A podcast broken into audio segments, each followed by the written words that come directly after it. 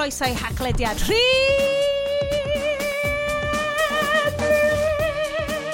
Nor y saf on the pethau lost her podcast. Hi a bawb, croeso haclediad rhif 87 Gyda Bryn. Hello Hi Estyn Hi. Hi.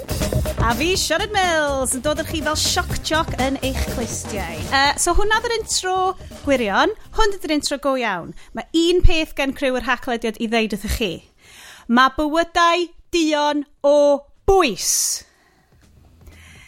Da ni'n gwybod ar yr haclediad nid ni ydy'r bobl i siarad am hyn fel experts am hyn. Dydyn ni ddim yn gwybod digon. Da ni yn addysgu'n hun, fel mae pawb arall yn y gymuned wyn Gymraeg yn neud ar hyn o bryd dwi'n gobeithio. Da ni'n mynd i ychwanegu lot o resources gallwch chi lawrlwytho a edrych arnyn nhw yn y notes. Bryn a Iest, fi'n gwybod bod chi'n uh, joinio fewn efo fi am hwn. Um, mae yna gymaint o bethau trist wedi bod yn digwydd yn ddiweddar, ond mae hyn yn mynd nôl ganrifoedd. Mae'r hanes yma ddim yn hanes wysos yma. Mae hi'n hanes milenia o gamdrin. Ie, yeah, um, mae'n lot o... Yn y stwff dwi'n gweld yn dyddiad dweitha di... O, oh, dydy Cymru Cymraeg ddim yn, yn hiliol, di... Fuck off. Seriously, mae ma Picton yn yr neuan arwyr Cymraeg. Uh, mae hanes o'n afiach. Um, uh, da ni, ma... Mae gen ni lot i ddysgu am... Um, am, uh, ar y pwnc a mae'n ma dyletswydd anna ni i ddysgu a wneud y well.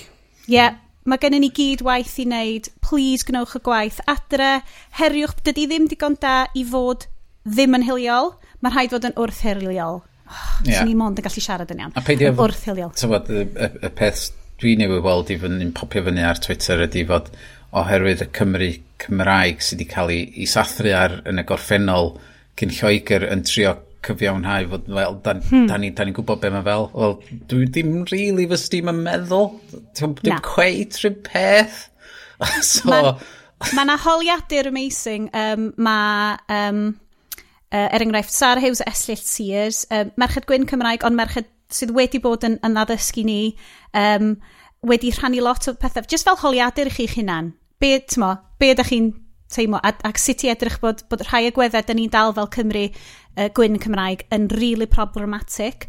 Um, mae gymaint o Gymru um, croenliw wedi bod yn rhannu lot fawr o'i profiadau nhw ar Twitter. Um, mae Privilege Cafe uh, yn lle sydd wedi agor fyny, um, os da chi'n mynd i Privilege Cafe ar Twitter, maen nhw wedi agor fyny i agor trafodaeth.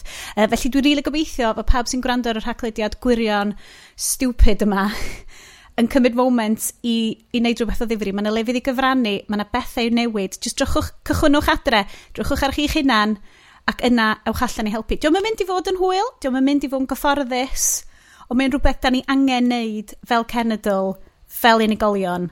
A fi'n rili really gobeithio fyddwch chi yn ymuno fo ni yn y gwaith dyn ni'n mynd i wneud. So, dyn ni'n mynd i trio wneud straeon heddiw am uh, profiadau bobl croenliw o fewn byd tech, Ond hefyd, wrth gwrs, fydd gennym ni llwyth o'r siait arferol hefyd.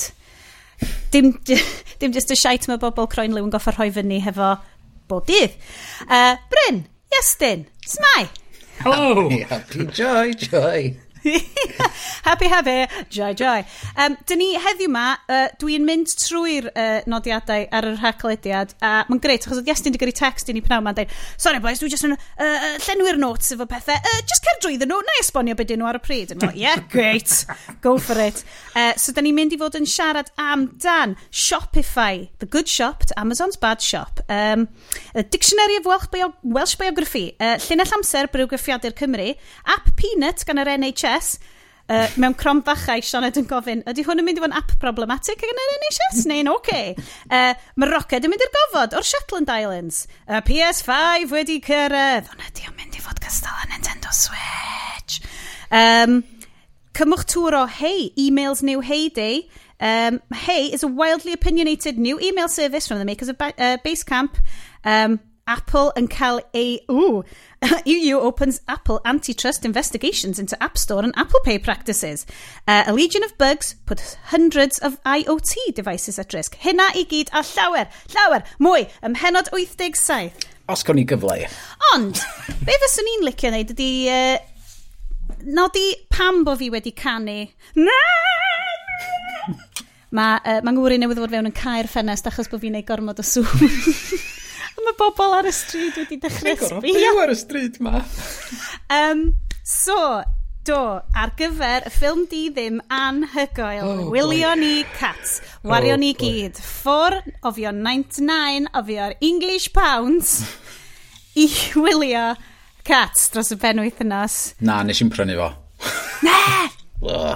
Yeah. O'n i'n cyn i weld y special features, ond oh, no way, dwi'n cadw hwnna ar... Na, o rent, nes i rentio fo am 499, dwi'n cedi bod fi wedi cael yn didl ar ola. E. Uh, e, y beth bynnag, cats, cats, cats. Oh boy. Jellicle hacks, oh jellicle hacks, oh yeah.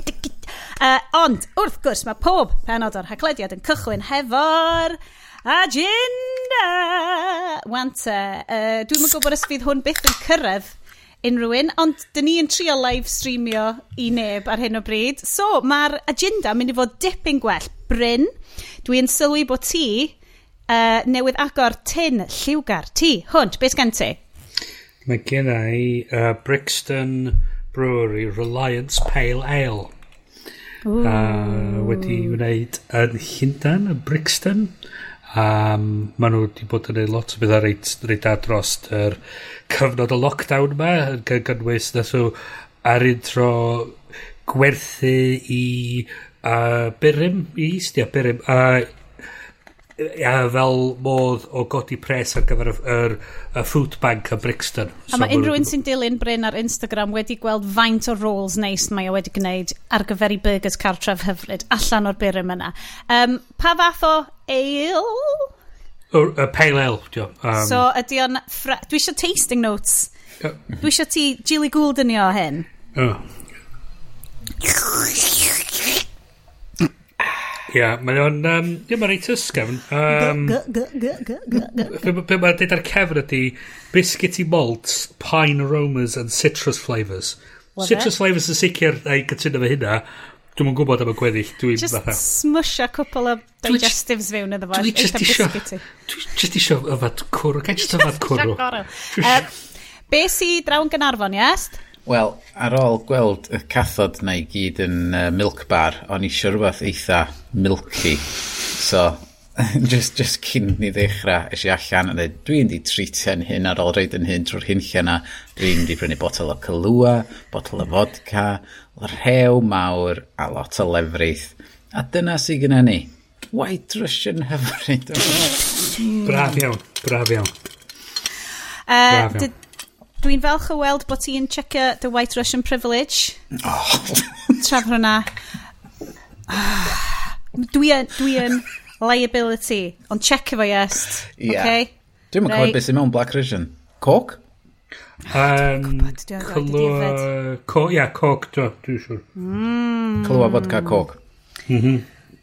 So, dwi, um, for the viewers at home, mm -hmm. i'r mhm. gwrandawyr adre, Uh, Chi'n gallu clywed, mae'r ma, gwydr, uh, ma gwydyr Margarita allan eto. Uh, mae fancy dros ben hefyd. Mae yn. Ond te, oedd hwn, y gwydr uh, Margarita yma, mae o, oedden nhw'n dod o Matalan, ond oedden nhw hefyd yn defnyddio nhw yn uh, Las Iguanas yn Centre Parks. Dyna lle weles i o gyntaf. Mae o'n wydr sydd hefo cactus. A ni really, really, really wir agos o ddwyno o Centre Parks. A nas i ddim. A wedyn, dyma beth di karma, right guys. Nes i nôl ar ôl, oce, okay, nes i ddim dwy'n oedd hwnna'n gweithio really nice. Mae'n mae edrych fel cactus, mae hefyd y margarita glass, thematic, it's great, it's very kitsch. A ddos i nôl, ac mewn charity shop ffindiodd yn chwaer yng nghyfraith i yr un un gwydr a prynu fo i fi. Nice. Ond, so, o'n e rhywun arall i dwyno El Centre Park seichian. wedyn di cael masif pang o'i ogrwydd a di rhoi i cancer research yn eglwys newydd. Da iawn! So, Yn y, yr iama, da ni'n rhoi shot o... Reit, so dwi bron o gorffen y gin chorus nes i brynu ar, ar y lockdown am 35 pint. So mae hwn yn eccentric single batch distillation Limbeck gin o Pont y Gwyndi Industrial Estate, Pont y Gwyndi Road Cyffili. Yay! So mae gennau nid yn unig gin o adre fi, mae gennau gin o adre fy ngŵr. Um, mae'r gin yma yn lliw od, Mae'r dŵr yn amlwg yn ar Pont y Gwyndi Road, uh, yn on afiach. Neu, maen nhw'n deud, uh, these are rested, this gin is rested in recycled burgundy French oak casks. Oh, yeah, okay. Sydd yn ei, so ni di meddwl na rhyw fath o liqueur oedd o, ond na, mae o'n 45% am sioe. So, hmm. tonic, cheap ass o uh, Lidl, nid Aldi's yma. Little, little tonic, hooray. Barod?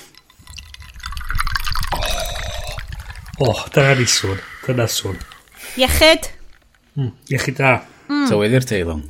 So, dwi'n mynd i fod smash. Mae pawb sydd actually'n gwylio ar y live stream, dwi'n lyfio hyn, dwi'n swnio fel real fucking Twitch streamer neu rhywbeth man. Uh, for those of you watching on the live stream, neu fel Radio 5 person, yeah. Um, Bych chi'n gallu gweld yr holl drinks sydd gennau'n lined up am weddill y sioe fyd. So mae'r gin ar agenda jyst ar fel y drink cynta, a wedyn mm -hmm. yn mhm. ystod y sioe mae fel variation yn dod allan. Oh. Yn enwedig, yn enwedig pan ma, ma, pa da ni'n sôn am cats. Pan mae'r cats after party'n cicio off, oh. boys, mae'n a le yma. Mae ddau'n hongian, ffaint o fodca cylwad dwi wedi reid fewn yn hwnna. Ie. Yeah. Unwaith eto, fel da ni'n deud ym mhob penod, please drink responsibly. Dyma beth da ni'n neud, da ni ddim yn yfed fel hyn bob dydd. Mae hwn yn special occasions i mams a dads, oce? Okay? Bingers, unwaith y mis. Mae o ar, mae o ar achos yr Jellicle podcast. So. Oh, nath yn ma, oedden ni'n gwachio cats, a nath yn ma bydd yr at, at y fi'n mynd, uh, dwi yn gwybod beth i Jellicle Cats, mam. So, Be? Wel, obviously, cathod sydd efo gwynebau bobl a maen nhw'n gallu sefyll ar dwy goes.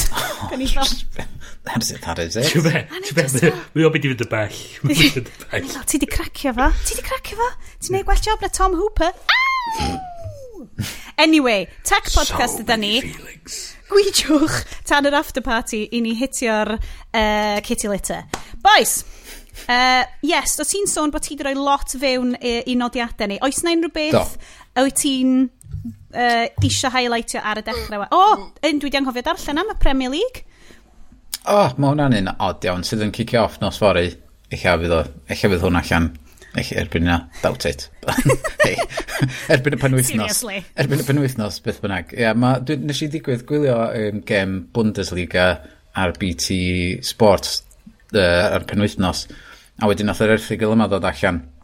Ac maen nhw yn yr Almain yn barod wedi bod yn pwmpio sŵn um, uh, o crowd sydd wedi bod yna, yna o blaen i fewn i'r stadiwm i wneud y chwaraewyr deimlo fwy fatha bod yn digwydd. Ond dwi'n gwybod os yna ar gyfer y chwaraewyr oedd o, ta ar gyfer pawb sy'n gwylio adra, ond fod ma na rhywbeth. Os da chi wedi gweld gêm pel droed ar Brown Sadwn yn cael ei ddarlledu gen S4C o tywod, uh, TNS versus yeah, Cicona. so ti'n gwybod beth dwi'n dwi fel, ti'n clywed yr un boi ar yr ochr efo'i efo gi yn diawlio uh, y left back um, yn lle fod ti'n gwybod torf mowr o bobl. So mae'n ma eitha, gallu eitha bod yn unnerving os ti heb di arfer efo'r sŵn sy'n dod. So be mae um, y Bundesliga di, di, di cymryd sŵn gorffennol, ond be mae rhai o'r Premier League games yn mynd i wneud ydy cymryd sŵn gyn EA Sports sydd wedi bod yn, mewn yn FIFA. Ac oh. be maen nhw wedi wneud ydy maen nhw wedi gweithio, uh, oherwydd maen nhw nhw y logarithms i fewn yn y gêm i weithio, o, ydy'r bel yn mynd ymlaen ffordd ma, ydy'r pwy sydd efo'r bel. Maen nhw'n analysio'r data o pwy sydd efo'r bel, a pa ffordd, a pa um, crowd fysa'n gweiddi ac yn neud o weithio fatha fysa fo yn y gêm. Cos o'n i'n meddwl bod na, I swear to god, dwi'n siŵr bod fi unai di breuddwydio'r sgwrs ma neu rhywbeth, bod rwy'n di deitha fi, bod, nhw mynd, bod, nhw, bod ti'n gallu cael person yna, a'r person yna sydd fel, wow, yn fel radio'r mixers. O oh, ie, yeah, mae yna, ie, ti'n gallu cael, um, mae'n gweithio um, llawn llaw efo'r AI, so ma, pan mae'r pan mae'r gol yn digwydd, mae'r person yna'n gallu... So, swn i fel goal... operator yn gallu mynd, o, mae hwn lot mwy cyffroes na mae'r algorithm yn deud mwy o, quick boost i'r woes. Ie, yeah, ond mae fath o laugh track ar Friends neu rhywbeth ydi, lle... Um, lle mae weird heb ddefo. Ie, yeah, lle ti'n, os ti'n ti tynnu off, mae'n teimlo'n eitha nerfing. yeah. So, efo, efo ffwtbol, mae gennym nhw'r person yna'n pwyso'r bytyma, a fatha'n gallu reid chants specific i fewn um, lle Mari o'r, uh, yn lle fod na um, just sŵn white noise, um, maen nhw'n mynd i cael cynnion specific i fewn i gema specific sydd yn cyd-fynd efo'r tîma. So, so mae'n mynd i wneud oh, yeah, o swnio yeah. well o adra er fod na neb yn eistedd yn, yn y gynulleidfa. Ie, mae yna sôn, ysbos, fel ti dweud fo, ydy o i'r pobol adra, ta ydy o i'r pobol sydd ar y stadium. Preth ydy os ti eisiau, mae setio fyny system sain mewn lle awyr agorad yn mynd i fod yn ipyn o gamp ta beth, so ti'n sôn bod ydi o werth yr ymdrech i wneud hynna. So ie, yeah, mae'n teimlo lle bod o mwy pobl adra, ond sicr yn ffordd reit diddorol o tre cario ymlaen yr awyrgylch tra bod ni methu rili really mynd allan a gweld pobl. Yndi, fydd o'n ddiddorol lot sut wneud pobl ymatab iddo fo de. Twa, yn fod o de. Yna rei gymau yn y gorffennol lle oedd pobl di, um, pobl jyst i rei peth ar mute oherwydd oedd o'n methu rhoi fyny o fo. Chos nathon ni drio sôn wysos, um, mis diwetha'n do amdan, um, dwi'n siŵr os nathon ni gyrraedd o, fel lot bethau yn y sioe, mae'n dyn ni'n master yn gyrraedd y stories. Nathon ni um, trio siarad amdan sut oedd e-sports ddim i weld mor boblogaidd A sa ti'n meddwl bod nhw'n fwy poblogaidd, ond oedd e-sports just ddim yn matcho. Ond oedd hynna i wneud, oedd hynna i wneud efo'r gynulleidfa, di arfer efo gweld um, uh, chwaraeon byw. Chwaraeon arferol, um, lle, dim y cynulleidfa e-sports y cynulleidfa sydd wedi tyfu fyny yn gwylio pobl eraill yn chwarae games, mae'n boblogaidd ofnadwy, dydy?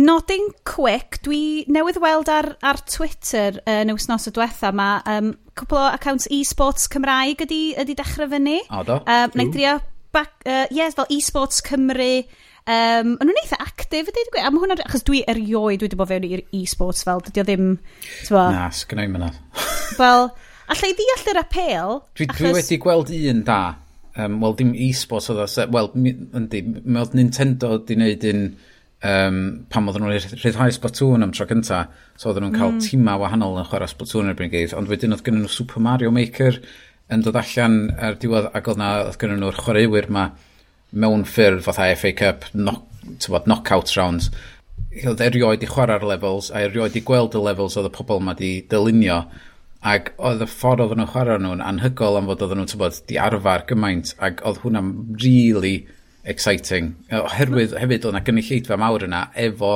yn neud sŵn mawr de. Tybod, mae'n helpu fod y sŵn Mae fel darts ddo'n dydy. Ie. Yeah. Mae e-sports, achos yn feddwl bod yna gymaint o bobl, a bod yna gymaint o blydi BBC o bobl eisiau chwarae, eisiau dangos darts. I mean, bys y ti'n darts, mae e-sports yn comparable i snooker a darts a stuff. Mae ti'n feddwl fel Mae rhaid bod yna masif gynulleidfa. Wel, peth ydi fel yes, yn dweud, mae'r gynulleidfa yna, diolch roi drwydd o'n mynd i tiwnio fyny BBC One i wylio fo, achos um, mae'r BBC yn dweud, o, mynd ar schedule yma i, i adcaid ar lledu ar amser yma, lle mae nhw eich mwyd i arfer logio fo'n i app ar ei ffôns, yeah. gwylio fo'r Twitch a falle, neu, neu gweld streams ar YouTube a falle. Ti'n ffansi tro nesaf, da ni'n um, recordio, dylen ni just gael game o Minesweeper yn digwydd fel yn y pedwerydd uh, llun bach oh, fan hyn. Ni gael fel, a wedyn nhw'n ni, nhw ni upgradeio i fel Lemmings, a wedyn erbyn y diwedd fydd i fel Tekken, a wedyn yeah. o fewn cwpl o flynyddoedd fyddwn ni ar PS5. Ie, yeah, ie, yeah. o'n i ddal i fyny fo hwnnw yn 2035 ie. Yeah. Oh my god. O feddwl bod fi newydd fel bod fi ddim yn obsessed efo game o 2017 ar hyn o bryd. Breath of the Wild, keep on going. Um, dwi, hei, dalen ni gael check-in. Ond te, Bryn, lle ni gael Animal Crossing check-in, os gwelwyd ni na. os ti isio, os ti isio. Dwi'n hollol ymwybodol, a dwi'n mynd i ddeud hyn rwan, a dwi'n gael ngheg, mi nes i ofyn i ti uh, mis diwetha fel, ah, cool, so beth sydd gyda Animal Crossing ti? A wedyn nes i mynd off on one am rhywbeth hollol wahanol, ddim actually gwrando na ti. So, Bryn, dwi di dysgu, a dwi'n gwrando dos am dos am fawr o byd i ddeud amdano fe. So, I mean, beth, beth, I mean, y pwynt, ti'n adeiladu ynnes a ti'n cael cymeriadau falle ddod i, ddod i fyw ar yr ynnes efo ti, ti'n addasu sef yr lle'n edrych, ti'n plannu bloda, ti'n tyfu rhywun newydd, ti'n prynu turnips a gwerthu'n ar broffit, a mae'n bob math o beth bethau diddorol. Mae yna bethau od yn digwydd o fiewn y cymuned arno fo lle ti'n gallu um, ti, mae yna rei villagers yn fwy deniadol na rei eraill, a a dwi'n methu rili really gweld pam, chys dwi'n dwi mynd i weld yn cael unrhyw fath o effaith ar bywyd ar yr ynnes, so ti'n sort of fel, wel, mae nhw'n llithrenol just er, mynd am yr edrychiad maen nhw, sydd yn beth od iawn. Ond mae ma, ma, ma Nintendo wan yn dechrau cracio lawr ar yr... Mae yna fatha farchnad uh, llwyd Di, dwi'n bod. An, um, o fewn, o prynu a gwerthu, um, prynu a gwerthu efo presgo iawn rei o'r villages sydd, ddim, mm. sydd yn anoddach i, i'w gael. Mae yna dros 300 ar gael. Mae yna, mae yna rester o 15 o'r ei mwyaf poblogaidd. A mae pobl yn chwilio amdano nhw, chwilio amdano nhw, a wedyn gwerthu nhw am bris mawr i pobl sisio nhw byw ar, ar, ar ysod nhw. Uh, e, Ti'n gwybod na be ydy hwn? Mae pawb yn gwybod na Ralph Breaks the Internet ydy hwn. Mm, yeah, Ti'n... Okay, yeah. Yn Ralph Breaks the Internet, maen nhw'n cael bobl... Ti'n bod fel pan ti'n cael bobl sydd yn fel um, item farmers? Maen nhw'n just mm. mynd rhwng games gwahanol a fel cael items i chdi. Yeah. Mae ma Ralph eisiau mynd i ddwy'n car uh, uh, Gal Gadot. It's just me. It's just me. Um, Dwi'n mwyn cofio yna. Na! Yna dyna pam, achos maen nhw'n goffa mynd i brynu'r steering wheel, a wedyn oh, maen nhw'n goffa neud pres wrth fynd i ddwy'n yeah, stwff yeah, o games yeah, arall, yeah, achos yeah. maen nhw wedi bidio am fel 2,000 o bin. Yeah. Great, great film. Fydd honna ddim ar ffilm di ddim. Mae well na'r cynta. Mm. Good film. So, peth di, efo'r Animal Crossing, di mynd o'n rhywbeth reit, sort of, mae'n gallu llencu lot amser, a mm. ti'n gallu newid yr ynnes i weld edrych yn un o sy'n ti isio. A dros am, fatha, ti'n cael dy bigo gan mosquitos bob pyn a hyn, a ti'n ti, ti, ti disgyn, a ti'n codi fyny. So, so ddim, so ddim fath o, o gos amdano fo, ti'n just, o, oh, mod i digwydd, a ti'n cael cael ymlaen. A mae'n gyd yn sedet, a mae'n gyd yn reit hapus, a ti'n just yn mynd o gwmpas yn casglu pethau. So, Ydy o be da ni angen yn y cyfnod sydd ohoni? Mm, just, gwybod. Um, be di, just hwyldio? Chill, di ie. ia. Chill, di. Just mynd chill. Um... Dwi bron a torri bol eisiau gwybod lle mae Bryn di cyrraedd ar Breath of the Wild, sef greatest, greatest computer game ever made. Uh, ond a fysa hynna mynd â ni off track ychydig bach. Bryn, well ti ddeud bod ti di olia neu tair shrine? O, oh, oh, sicr ti'n wneud hynna. Great. Ti wedi cael good costumes? Uh, Dim really. Ti wedi ffeindio'r Mary Lloyd? Achos oedd Leesus, uh, Lee Jones ar Twitter yn dangos i ni sut i ffindio Mary Lloyd yn Breath of the Wild. Oedd o'n really cool. Um, dwi wedi cyrraedd rhyw bentre lle oedd yn gyd ti oedd rhyw shrine lle oedd yr, yr tilt table. Oh, oh, yeah. A wedyn ti'n goffod fel tynnu'r switch fyny a ti'n ti gallu neud o fel na a tynnu'r at stick. Oh. Di hwn ddim yn podcast amdan Nintendo Switches, but gallai fo fod, os da chi eisiau fo fowtiwch amdano fo ar ddim Twitter poll ni. Um, so, Bryn, oes na unrhyw beth wyt ti wedi rhoi yn y notes uh, bys y ti'n leicio siarad amdan uh, specifically, neu ti'n um, happy bunny mis me? Happy, happy bunny rhyw radd. Mae'r... Mae, da ni dal yn disgwyl gweld diweddariad ar um, yr app contact mm. tracing yr uh, NHS. Mae ma yna helens di bod yn yr wsnos adweitha gan bod... Wel, mae wedi profi yr er app ar yr Isle of... Dwi'n dweud yr Isle of Man? Ta'r Isle of White? Isle of White. A os ydych chi'n meddwl am yr Isle of White, be gynnych chi ydy lot o dau bach a lot o, o awyr agorad. Bet peth ydy, dydy lot o bobl ddim yn byw mewn awyrgylch ac amgylchedd fel na, maen nhw'n byw fel dwi'n neud illa mewn bloc o flats, neu maen nhw'n byw mewn blocs o flats uwch, neu maen nhw'n byw mewn tai sydd efo waliad mwy trwchus, neu waliad tynnych. A dydy, uh, mae'r llywodraeth wedi gorfod, um, wedi gorfod dweud bod dydyn nhw'n sicr fydd yr app yn gweithio mor dda hynny, o fiewn fflat a falle, chys peth ydy mae'r waliad yn nhw'n hynna drwchus. So, so dwi'n edrych ar yr wifi list fi ar, yr, ar laptop a mae gyda i rhyw 20, 30, mm. 40 o'n nhw allai, sy'n ni'n gallu cysylltu. So mae'r um, mae'r syniad bod y Bluetooth low energy mae'n mynd i gallu gweithio allan lle mae pob a wyt ti wedi cael cysylltiad efo pobl ta ti just digwydd bod y pigo fyny beacon yr flat drws nesa. Mm.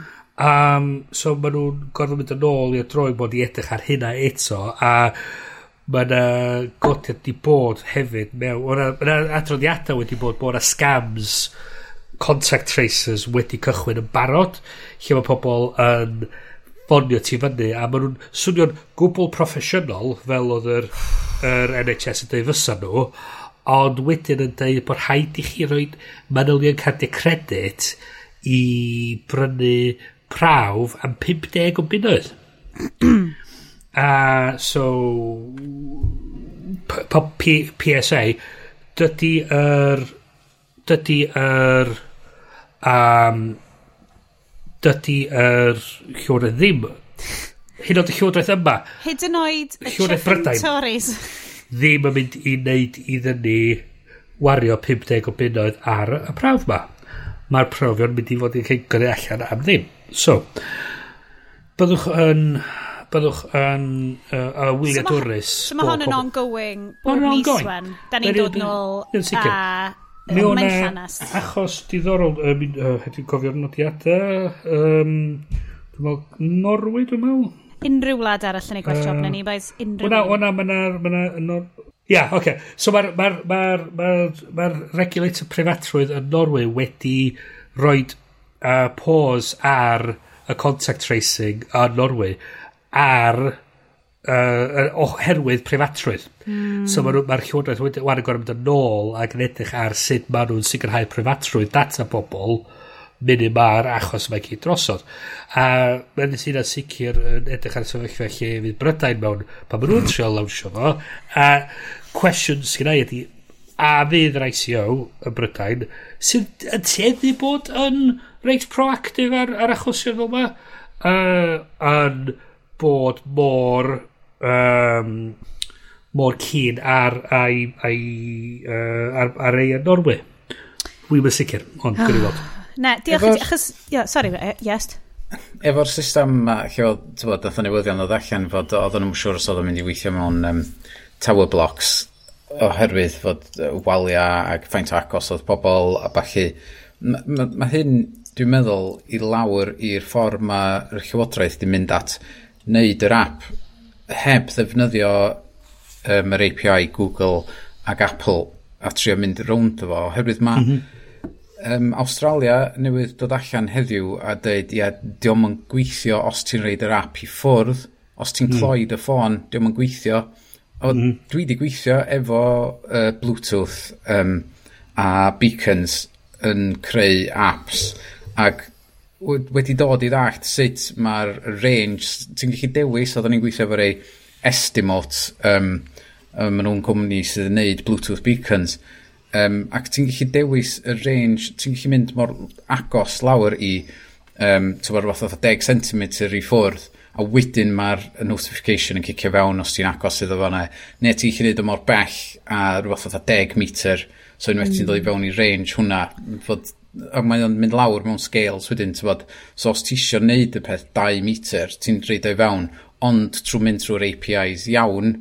So os ti mewn flat dy hun Mae o'n mynd i fod yn risg os ti'n mynd reit i fyny'r wal a fod na rwy'n arall charge i ffôn nhw ochr arall i'r wal bod ti'n mynd i groesi'r 2 metr threshold na. Ond fedram gweld sut fod hynna'n broblem os ti'n mynd lawr trwy'r APIs iawn. A hynny di'r problem yn y lad yma ti dydy'r llywodraeth i ryw raddau well, a ryw reswm um, heb wedi penderfynu peidio defnyddio yr er, yr APIs ac y system a Google a, ac Apple wedi greu. A, maen nhw'n deud fod yn mynd i fod yn barod ac yn cael ei roli allan wythnos nesaf? Mm, dim o beth sydd... Ma, un peth sydd yn fel taro cloch yn ymhen a dwi'n mynd siŵr os dwi wedi darllen hwn ar Twitter, achos mae'n mynd dyddiau yma lle dwi'n mynd fewn i Twitter a wedyn dwi'n mynd, o, oh, actually na, mae hwn lot rhy drist, dwi'n mynd i fynd o ma. Um, lle, ti'n gwybod ti'n sôn amdan tower blocks, ti'n sôn amdan bobl yn goffo byw yn agos iawn i ti gilydd. A mae hwnna disproportionately mynd i effeithio ar bobl llefrifoedd ethnic, mhm. bobl croenliw. A mae'r system um, tra trace, connector trace mae hefyd yn... Um, mae'r cymunedau sydd yn cael mwy o effeithio am rheswm mae'r reit um, reit teg yn ddim efo llawer o ffydd yn y mm, llywodraeth mm, a dyn nhw'n yeah coelio'r llywodraeth. reswm. Na, yn union, maen nhw'n tynnu'r reswm ar ei teg iddyn nhw peidio um, a teddi bod cymunedau uh, cymunedau po, uh, pobl coelio ydy'r uh, rei sy'n cael ei effeithio gen hyn. A dyn ni'n gweld hynny hefyd efo yr, yr Covid hefyd nhw sydd yn, maen nhw'n cael ei effeithio fwy na pobl Croenwyn. Uh, Mae angen meddwl ac angen sicrhau bod y system yma yn gweithio ac yn gweithio i pob yn y wlad a ddim just o fewn ideal circumstances a, a rhywunus yn ganol Bobl sy'n byw yn y suburbs, ie. Yeah. Neu'r Isle of Wight. Um, dwi yn mynd i wneud y fewn yn rili really gyflym hefo erthygl o'n i di ffinio'n Business Insider. Wan ta, fel ydych chi'n gwybod, dydw i ddim rili'n really gwybod unrhyw beth am byd busnes. Ond mae hwn yn erthygl rili really ddiddorol ynglyn â um, arweinwyr di uh, y myd busnes ac yn byd tech sydd ydy jyst gwynebu gymaint o hiliaeth achos bod nhw yn arweinwyr di mewn tech a dydy'r status quo a bobl gwyn, angel investors, the unicorns di, just ddim yn gallu amgyffred bobl ddion o fewn byd tech. A maen nhw just fel, mae'r er, er, er pethau maen nhw'n goffod delio fo, um, gweithio mewn um, co-working environments ac oedd um, un o'r uh, arweinwyr yma um, ac yn nhw gwmni um, uh, hyrwyddo cerddoriaeth. Wrth gwrs, oedden nhw'n cael cerddorion yn dod fewn, cerddoriaeth uh, croelew, cerddorion di. Ac oedden nhw'n cael eu herio bob tro bys nhw'n dod fewn i'r co-working space ma. Ti'n mo, trendy, hip, yeah, we're all equal here. Co-working space, yn bobl ddim yn, yn checio uh, i hunan, bobl oedd y reception yn mynd, uh, sorry, ydych chi, ydych chi fod yma? bob tro. Ac oedden nhw'n deud, mae rhaid ni, adael y space na. Achos oedd bobl jyst ddim eisiau dod i weld ni, cos oedden nhw'n cael eu herio bob tro nhw'n dod fewn.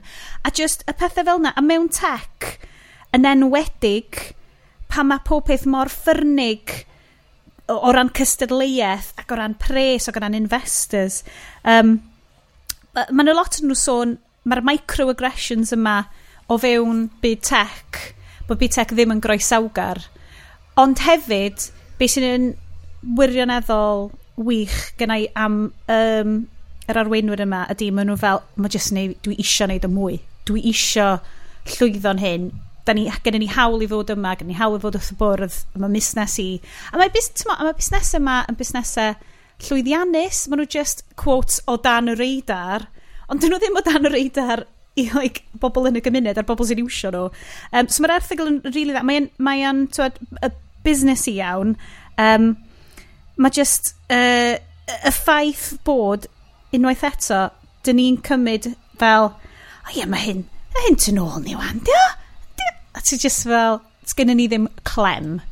So, bys ni rioed wedi cael yn herio fel na, tas un o'n un tri wedi mynd i co-working space i gwrdd no, rwy'n. um, so mae hwnna'n erthgol yn Business Insider uh, am uh, arweinwyr um, busnesau bach. A o'n i ar app Depop. Um, Dwi'n siŵr os da chi di eisiau Depop o blaen. Mae o fel eBay i Instagrammers a influencers. Um, so mae pob peth yn edrych yn glws iawn. Ti'n gyd yn cael square, lluniau square fel ar YouTube, uh, fel ar YouTube, fel ar Instagram. A rhan fwy ar amser pan dwi'n logio mewn, um, creators di sydd yna, bobl, um, lot o streetwear, yn, lot, bo, lot o bobl yn gwerthu stuff o'n i'n gwisgo yn coleg sydd yn depressing. Achos maen nhw'n deud Y2K vintage. A dwi fel, shit! uh, okay. So, ac o'n i'n gweld lot o, cre, um, lot o siopau o liw yna fo. Ond maen nhw wedi gyrru uh, statement allan i pawb sydd ar y platform rwan yn deud, da ni'n hollol ymwybodol faint mae'n allweddol ydy um, pobl croen liw bobl dion yn ywedig ar yn platform ni, ond dydyn ni ddim wedi bod yn rhoi y tools iddyn nhw specifically expresio hynna. So, maen nhw rwan yn deud, ti'n gallu nodi dy siop fel siop sydd yn cael ei berchen gan rwy'n de neu rwy'n croenliw. A maen nhw'n neud bobl lot mwy weledol ohono fo, bod o ddim just yn fel, o, drwch eich dyma ni gyd yn rhan o'r un un, equal lovely family, sydd just ddim yn wir rhan fwy o'r amser. Um, i, i fel proactively dod ar perspectives mae fyny. So ni'n rili really falch o weld hwnna ar Depop. Mae hwnna'n nhw... Rhywbeth sydd wedi dod i fyny hefyd yn yr, yn yr app newydd um, cyn Shopify, lle mae um, app ydi o, lle mae yna gwerthwyr wahanol i gyd arno fo, so fod, fod ti'n gallu setio fyny siop tywod, lleol a ti jyst yn defnyddio Shopify fatha dy back-end. Ond be maen di wneud i ddod app newydd allan sydd yn dangos gwaith pawb sydd yn defnyddio i back-end nhw o fewn un app o'r enw Shop. So o'r rwan maen nhw wedi reid y pwyslais mwy ar gwerthwyr um, croenddu.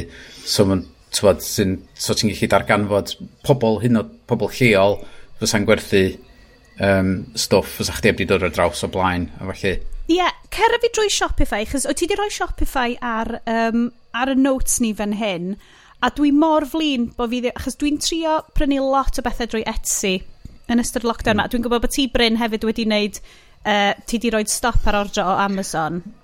Wel, trio'n sicr. Ie, yeah, fel nath ni yeah, allan llynedd, mae'n hollol amhosib i foedio well, Amazon ar y we.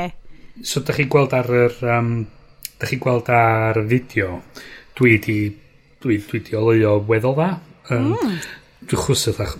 Dwi'n cynnig dylai ti roed y golau coch a glas mae'n, fel bod ti'n mewn rhyw fath o sexy club. so ni, erbyn yr after party, dwi'n disgwyl i'r goliad, achos mae goliad y fi mynd i newid fewn i uh, so, um, party lighting. Mae rhywbeth i rwy'n pobl ar y live stream fwynhau. Um, yeah, mae um, Mae Bryn yn edrych fel y sequence na yn uh, Willy Wonka's Chocolate Factory, lle maen nhw'n mynd drwy'r twnnel a mae Gene, well, Gene Wilder anyway, Um, uh, sorry, yeah, Shopify ag Amazon. Reit, so mae fi'n trio prynu'r goliadau ma, ni'n dweud, o, lle ffa'n mynd i prynu goliadau os ddim ar Amazon? So mae fi'n, so nad yes, chwarae teg iddo fo, dweud, o, mae hein ar, ar eBay. Gret, mae fi'n archebu nhw. Be sy'n cyrraedd, da hyn o'n wedyn, o parsal o Amazon. Efo ngoliadau fi yna fo. Sneaky bastards. Mhm. Mm -hmm. so, trellio beth i digwydd oedd, oedd y gwerthwr yn listio stwff Amazon ar eBay ac os ti'n prynu fo ar Amazon yn prynu fo ar eBay oedd rhywun wedyn yn gyrru fo fel anrheg i ti ar, ar Amazon So, be sy'n wahanol am Shopify te? Achos yn wahanol i rhywbeth fel Etsy er enghraifft? Um, mae Etsy ar gyfer pobl um, sydd yn creu stwff uh, i hunan um, mae pawb yn gwybod sy'n fath o stwff ydy'r cynnyrch yna, ti'n bod um, ti'n gallu gael. A be wahaniaeth ydy, Shopify ydy fatha back-end um, ti'n gallu cael, os ti eisiau setio fyny shop, fysa, fatha, mae ma brands mawr fatha Pepsi yn un o'n nhw yn defnyddio Shopify fatha i back-end nhw. So mae unrhyw gwmni yn gallu defnyddio hwn fatha um, be sy'n rhedag i gwefan nhw, ond wedyn ti'n chi sginio fo fo CSS i, i edrych unrhyw ffordd tisio. So dwi, dwi di bod uh, uh, dwi sylwi ar Shopify ers fod gychwyn, dwi'n mwyn ffaint oedd, blyn 2000 neu fath oedd, dwi'n siŵr oedd hynna hir yn ôl.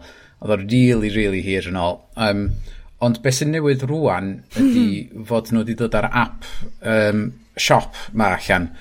Ar y funud, maen nhw'n pwysleisio na i America di o, a nes i just dweud, o, dwi'n gwneud drio, downloadio fo, gweld os di ar gael.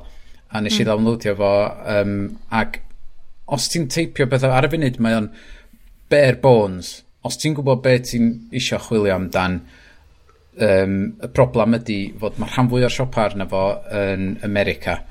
Ond, be nes i nes i ddod, dde, wna i just teipio, cym, dechrau teipio Cymru fewn. A beth oedd i fyny oedd bollocks Cymraeg. Mm, Ac mae mm. gyna fo siop ar, arno fo, dwi'n meddwl na fo di o, eich yna hi di dwi'n siŵr pwy sy'n rhedeg bollocks Cymraeg. Mae gen nhw, mae gen nhw.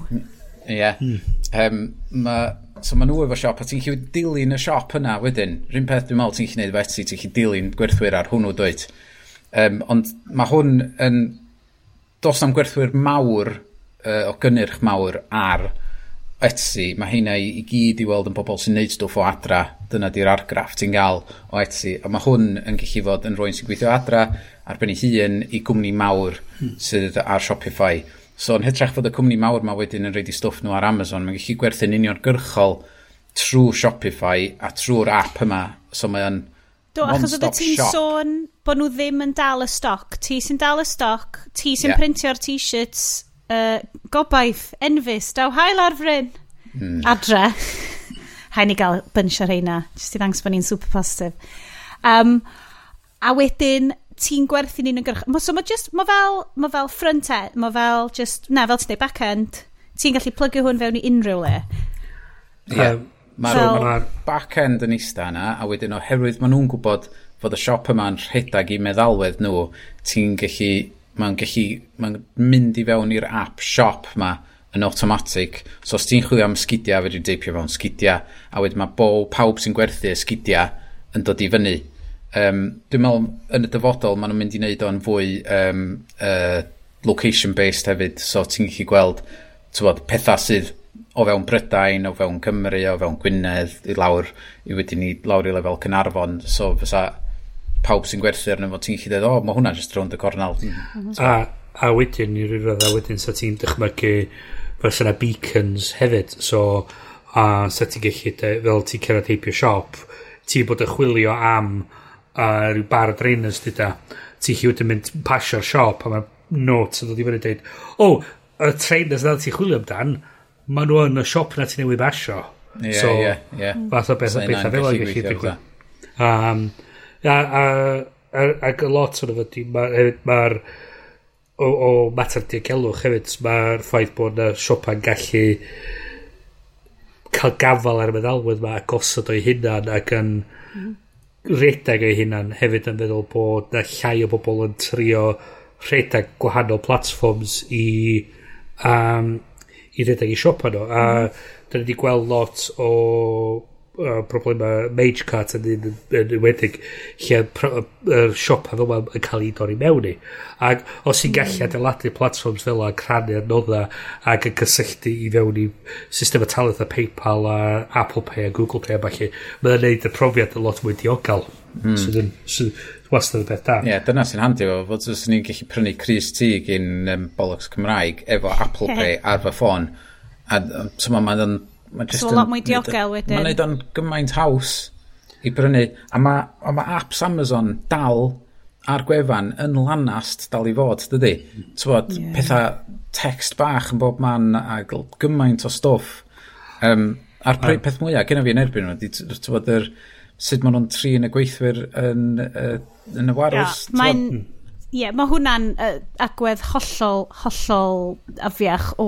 Cos ti'n ti'n mynd sylwi ar maint Amazon, dwi'n mynd siôn am TikTok fideos yn aml, ond ar y TikTok fideo really great efo rwy'n yn dangos mewn reis faint o arian mae Jeff Bezos yn neud. A oedd hwnna'n mind-blowing.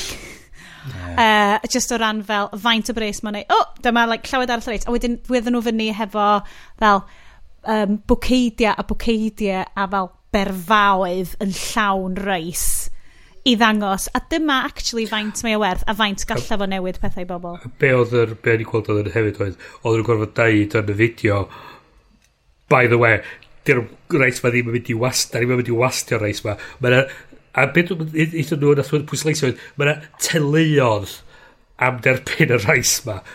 so, syniad o faint. O, ie, ie, ie. Dwi'n ddim yn, wel, yeah. ostio fo. Ie. Yeah.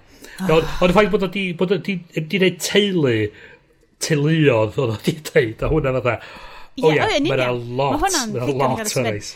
Tra da ni ar yr, um, tyfod, yr, yr Amazon sort of vibe thing ma, gan, ni, gawn ni just camu fewn i'r anti-competitive thing mae'r EU di ddod i fyny yn erbyn yeah, Apple. So ni, like, achos gen gennym clem beth sy'n digwydd fyna. Mae'n cyd fynd efo Amazon ag yr anti-competitive uh, thing. Mm. Lle di, di Amazon erioed di cael ei tynnu fyny o beth dwi'n meddwl uh, amdan i, i, i safbwynt nhw o fewn y farchnad o llyfrau ag uh, just y pwer gyda nhw dros y, y mm-hmm. we mewn, uh, mewn mm. ffordd.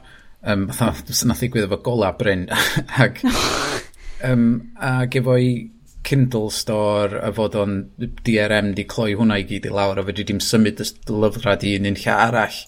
Ac be, ma, be di'r um, un o'r pethau ma, ma nhw wedi codi yn erbyn Apple heddiw ydy fod, oherwydd ma nhw'n gwerthu'r dyfais iPad, Mac, uh, iPhone, a gen ti iBooks oedd enw fo, ond books di enw fo rwan, mm -hmm. um, fod os ti, os ti yn, y, y cwmni sydd wedi, un o'r cwmnïau sydd wedi codi'r pwynt yma neu erbyn nhw ydy Rakuten sydd yn neud Cobos, a dwi'n dwi licio Cobos hefyd, Ond y broblem ydy... Dyn, achos maen nhw'n stream, maen nhw'n cwmni streamio fideos a stuff hefyd, yn dydyn nhw? So'r o'r broblem mawr gyda nhw ydy, os maen nhw eisiau gwerthu llyfr digidol uh, neu rentio ffilm trwy'r iPad, um, oh, yeah. ti'n gorau talu mm -hmm. 30% i Apple. A dwi'n gweld yr ochr yna, dwi'n dwi meddwl, ie, mae hynna dim yn anheg, really. Os, os oes ni'n Apple, ac efo gymaint o bres ag nhw, fyswn ni'n gochstwng y percentage yna reit lawr yn isal, isal. Pwynt 3 y cant eich e. Ie, yn union, ti'n ti dal neu pres yna fo, ond mae o'n, mae on deg. Um, oherwydd ti'n cael fod ar ei platform nhw, um, ond ti'n mynd gorfod, ti'n bod, rhaid 30 y cant iddyn nhw. So mae hynna'n ma hynna pwynt teg sydd, sydd gyda nhw, ond yr un arall maen nhw wedi codi sydd yn, dwi, dwi wir methu cael ymhen rownd ydy sut mae Apple yn pwysio Apple Pay ar bobl. So maen nhw'n dweud, wel, well, mae gennych chi'r NFC chip yma i fewn yn eich ffôns a'ch watches. Pam dos o neb arall yn cael defnyddio nhw ar gyfer i pay service nhw? A maen nhw'n dweud, i fi, mae fel, ni nath wneud y ffôn, be, be, be ddiawl ti'n trio gofyn wrthyn ni fod ni'n galluogi chi rei Google Pay arno fo hefyd? Fydda, ti'n bod, os na ffordd i Apple reid Apple Pay ar Google um, ar Android? Dwi'n meddwl. Wel, hynna dwi'n meddwl fysa, hmm. yr mm. er precedent fysa, yr, er, er achos mae'n yn creu, de, fysa, um, os mae'r Google, os mae Apple yn cael ei hitio dweud, o mae rhaid chi agor yr platform allan i competitors. Wel, well, nes mynd i ddigwydd wedyn ydy, mae ma rhywun wedi troi rownd i Google a dweud, ei gyda, mae ma Apple yn gorau neud o, da chi gorau neud o. A bydd hwn yn cael ei agor, agor, agor allan o fwy. A be fydd yn actually weddol diddorol eich ar ffaith bod eich fydd Google a, ag Apple yn mynd efo'i gilydd i amddiffyn a nerbyn yr achos mm. sydd yn creu... Chos sa'r un o'n nhw isio agor i platforms i'r lleill. So, um, chos dwi'n meddwl mae'n llida hefyd, mae'n wedi bod sefyllfa lle mae pobl wedi bod yn gofyn pa mallai ddim roed yn oyster card fi ar yn ffôn i. So mae fi'n tapio ar y thing a'r oyster card sydd yn, sydd yn dod i fyny. Am hynny'n deg, ond peth ydy hefyd ydy wirioneddol, di TFL ddim isio Oyster Cards o gwbl. mae'n nhw eisiau cael gwarad o'r system. Mae costio mm. dreid iddyn nhw gallu cadw'r peth yn fynd a diolch really werth yr arian iddyn nhw. So mae nhw yn uh, teimlo fatha, os yna ni cael pob eisiau contactless, gret. A dyna pa mwyn yeah, i wneud... Ie, wedi esboniaeth fi, am bod dwi wedi bod yn Llundain llon llaw o weithiau, ac tro, pam nath yr Oyster Card allan nes i ddefnyddio fo, ond wedyn ers hynna, dwi jyst wedi bod yn defnyddio um, nes i ddefnyddio cardyn contactless un mm -hmm. tro, nes i ddefnyddio ar iPhone y tro arall, a wedyn nes i just ddefnyddio'r watch. So be ydy'r mantais o gael Oyster Card? A dos e ddim really yn erbyn. Um, mae nhw'n gallu gyd ti defnyddio season tickets a falle, uh, so mae hynny'n uh, rhywbeth um, sydd eich o, o, o, o fod a mae'n galluogi eich i rhoi cardyn i blentyn i nhw gallu fynd ar a defnyddio'r tren. So ti'n mynd gorfod rhoi dyfais iddyn nhw a ti'n mynd gorfod rhoi um, a cardyn mm, credit iddyn yeah. nhw. So mae'n ond yn gallu cael yna. O'r safbwynt yna, mm. um, fydith nhw ddim, fatha, os dwi'n dal awyren Ryanair, er, dwi'n mynd i'r maes awyr, mae'r ticket yn popio fyny ar fy ffôn pan dwi'n cyrraedd mm. y mhm. maes awyr, dwi'n chi sganio fo, dwi'n mynd ar yr awyren. Does na modd i Oyster adeiladu app sydd lle mae'r cardyn neu rhywbeth yn popio fyny so, pan dwi'n cyrraedd ac mynd... O bosib? Um, Ond beth siŵr bod yna rhywbeth yn y... Wel, so mae yna ma feature newydd o fewn Apple Pay o beth maen nhw'n yn express transit. Mm. So yn ytrach na bod ti yn gorfod activate'r Apple Pay er oh, mwyn yeah, tapio fewn. Ti jyst yn rhoi dy dyfais yn erbyn yr hwnna a mae hwnna'n... Mae o'n agor o a ti a mae o'n gwybod wedyn o oh, cool ti'n ah, gwybod yeah. y cartyn yma yeah. mae hefyd yn gweithio os mae'r batri wedi'n edrych allan fyny at chydig oriau sydd hefyd yn peth weddol cool um, eto mae hynny i ryw raddau yn gweithio yn y sort of y ffordd y ti sôn amdan um, ac hefyd yn osgoi TFL gorfod rhoi mwy o bres i fewn i trio cadw a datblygu yr er, um, yr Oyster Card y geta fod yn dweud drwy misio drwy misio gorfod wneud chos y peth diddorol efo Oyster Card ydy maen nhw'n gorfod ti'n rhoi 5 pint o deposit i brynu fo a rydyn ti'n yeah. charge o fyny. Dwi wedi cael hwnnw nôl mae gynnu fi'r cardyn fyny gyda so mae TFL yn gorfod eistedd ar yr arian yna i gyd geith nhw'n twtiad o a mewn, mewn lot o uh, sefyllfa sa neb ac mynd trwy'r ymdrech i i actually gael yn ôl. Chos ti'n meddwl amdano, pobl o dramor eich sydd wedi dod i fewn, maen nhw'n am, yma am wsos, maen nhw'n prynu oyster card, maen nhw'n mynd adra, mm. maen nhw'n eistedd maen nhw... Ond mae'r pinpint na, dal yna, yna iddyn nhw, a maen wedi gostio mwy iddyn nhw tra cael y pinpint na'n ôl, na mae o'i actually um, uh, just gadael eistedd na. So, oh, ma, Yeah, of course. Mm. So mae'r systema fel actually yn gweithio'n erbyn nhw. So, eto, maen nhw'n hmm. cyn i fynd, fynd o'r wrth efo. So, ma, ma, na, y cwestiwn efo ydy agor yr system Apple Pay yn erbyn i pobl fel Google i, ydy Google yn gallu neud o ratach ar y dyfais na mae Apple yn gallu neud o, a mae hynny'n rhywbeth reit ddiddorol. Hefyd ydy os da capacity ar y secure chip ar y ffôn i gallu dal mwy na un cardyn ar y tro, wedyn ti'n creu sefyllfa lle mae gen ti mwy na un pe maen nhw'n cael device pan ar gyfer bob un cardyn ar y ffôn. So, os ti efo'r cardyn ar Google Pay ag ar Apple Pay, mae gen ti dau dyfais pan i un cardyn. Wedyn gen ti um, cardyn credit dyda, dau eto, a wedyn sut ti newid rhwng y ddau mewn ffordd sydd actually neu synwyr i'r defnyddiwr fel ti efo profiad. Dyna, dyna lle, lle dwi'n disgyn ar, ar y thing. Os, os ti di penderfynu prynu ffôn Android, mae gen ti Android uh, Ti di neud y dwll dy hun, do? Ti di just... Mae gen ti, ie. Yeah Ac os, gynt, os ti'n prynu'n Samsung, mae gen ti'r opsiwn o gael Samsung Pay. Ac wedyn, os ti wedi prynu Fitbit, ti'n gallu defnyddio Fitbit Pay er fod Google wedi prynu nhw rwan. Um, ac, bod, a so on a so forth. mae ma, ma, ma jyst yn un o'r pethau na, dwi'n dall pan fod nhw'n mwydro fo fo. Ah, um, dydy hwn, twa, ar, ar hyn o bryd, mae'n teimlo fel, oh, big business yn, yn dadle misg i gilydd. Mm. Uh, ond mae'r stwff mae wastad yn ffiltro lawr i ni. Um, ydych chi'n credu yn y pen draw fydd mwy o benefit i cwsmeriaid os wyt ti'n gallu prynu stwff fel cobo stwff ti ar Um, Dwi'n gobeithio wneud hynna fynd drwad, a, ond y peth ydy, beth, peth sy'n ffynnu amdano fo ydy, um, yn y rumours yn y misoedd dwytha cyn WWDC sy'n digwydd wythnos nesaf, fod Apple yn mynd i gyhoeddi rhywbeth sydd yn mynd i adael chdi, wel, mae hyn yn un o'r pethau lle maen nhw'n mynd i dorri'r percentage mae lawr. Mm. Um, uh, oherwydd, wedyn mae'n agor o fyny i chdi gallu cael dy prynu uh, comicsology stuff. Ie, yeah, llyfrau Kindle. Ia, uh, yeah, a llyfrau Kindle i gyd, er fod ni'n boicotio Amazon. Um, oh, yeah, shit, sorry. Come on, Sioned. Oedd y llyfrau... Ond y llyfrau ti wedi prynu'n barod? Ie, ie. Darllen ni, darllen ni.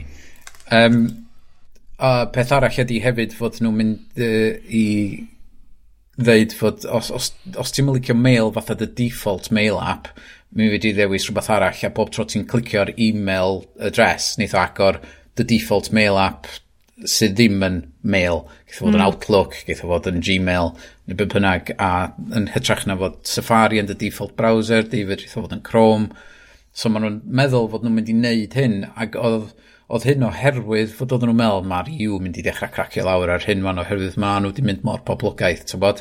Mm. Um, yn yr un ffordd o nath Internet Explorer cael ei cicio allan gyn Microsoft.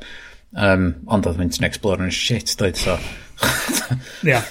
Ti'n gwybod bod fi ddim yn gwybod be oedd Edge? A rwy'n gofyn fi, o, oh, ti di trio fo'n Edge? Ac ni'n mynd, shit, shit, shit, beth Edge? Be sgyn... Be sgyn... Ac offers i googlo fo, a wedyn o'n i fel... Be sgyn U2 i wneud efo hyn? I know, gyn i fel, sut ydw i fod yn testio gwefan ar bassist U2? A lead guitarist. Oh. Um, What else? Lads, lads, lads, lads. Uh, o'n i trwy cwpl mwy o, o tech stories, a wedyn, obviously... Os, da ni wedi darllen nhw. Mae'r... Um, dwi jyst eisiau gwybod, achos yes, ti di rhoi dau uh, link am, hei, hei, Hei! Ie, yeah, no, ni just sôn am fyr am hyn. Hei! Okay. Ydyn nhw so, sydd ma... wedi chwarae Zeldas, maen nhw'n gwybod beth dwi'n neud. Um, os da chi wedi bod allan yna a defnyddio Basecamp mae, mae, ac mewn cwmni eitha um, maint call, mae mae Basecamp yn gallu fod yn wych o project management meddalwedd. Um, y cwmni da, da ni'n... Ni, da ni da ni'n defnyddio mymryn bach ar Basecamp 2 ond da ni di transitionio drosodd oherwydd y lockdown i fewn i Teams oherwydd mae o fwy o um, opsiyna i weithio um, i ffwrw wrth yn gilydd. Ond be di uh, hei ydi uh, service e-bost newydd gan y cwmni sath nath adeiladu Basecamp ac da ni gyd yn gwybod does neb yn really licio e-bost. Um, a dwi, dwi salesman i'r cwmni yma, ond y fideo 37 munud maen nhw wedi wneud yn dangos sut mae'r system yma'n gweithio. 37 munud? 37 O e-bost? O walkthrough de, ac mae o werth bob eiliad, a mae o'n, mae on gwerthu chdi, a ti just fatha, I believe, I want in on this. Yeah. Um, please, please, please read this very convincing set of pamphlets. And, yeah, yeah. Uh, so ti di dod allan yno fo, nid yn unig yn credu, uh, credu mewn e-bost newydd, ond ail ddyfodiad yr Iesu. Ond be ddoth ar drwy meddwl i ar diwedd y fideo mwyaf oedd, dwi eisiau pawb sydd yn neud um, apps, e-mail, i just ripio off bob dim mae hyn yn neud. Please, oherwydd mae o'n gweithio mor dda. Um, na i mwydro gormod amdano, mae'n werth just mynd i'r gwefan hey.com a just edrych trwy'r um, nodiadau o beth sydd yna. Um, Beth sy'n mor wahanol? Come on, a mm. efengyla okay. i ni rwan o'r pilpid. Oce, okay, so mae... Um, be mae'n neud ydy, mae ma gen ti... Um, Mae'n dangos ar y... Mae'n syth bin, mae'r e, prif e-bost gyn contacts chdi'n dod i fewn i dy... Um, dyn nhw'n gael, mae dyn nhw'n gael fo'n inbox, mae'n gael fo'n IM box, im box, oherwydd it's important, it's your important box. Right. Right. Dwi'n dall, dwi'n. Lost Bryn already.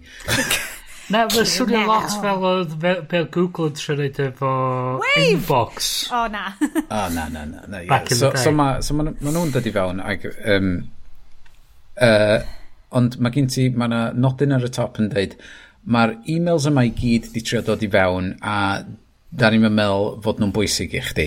So, mi, mi wyt ti'n gallu mynd mynd trwy nhw wedyn yn rhaid, thumbs up, thumbs down. Os ti'n rhaid thumbs down, dwi ti'n byth yn mynd i glwad gyda pobl yna byth. eto. Instant, um, like, bang, yeah. mute. Ond wedyn mae gen ti...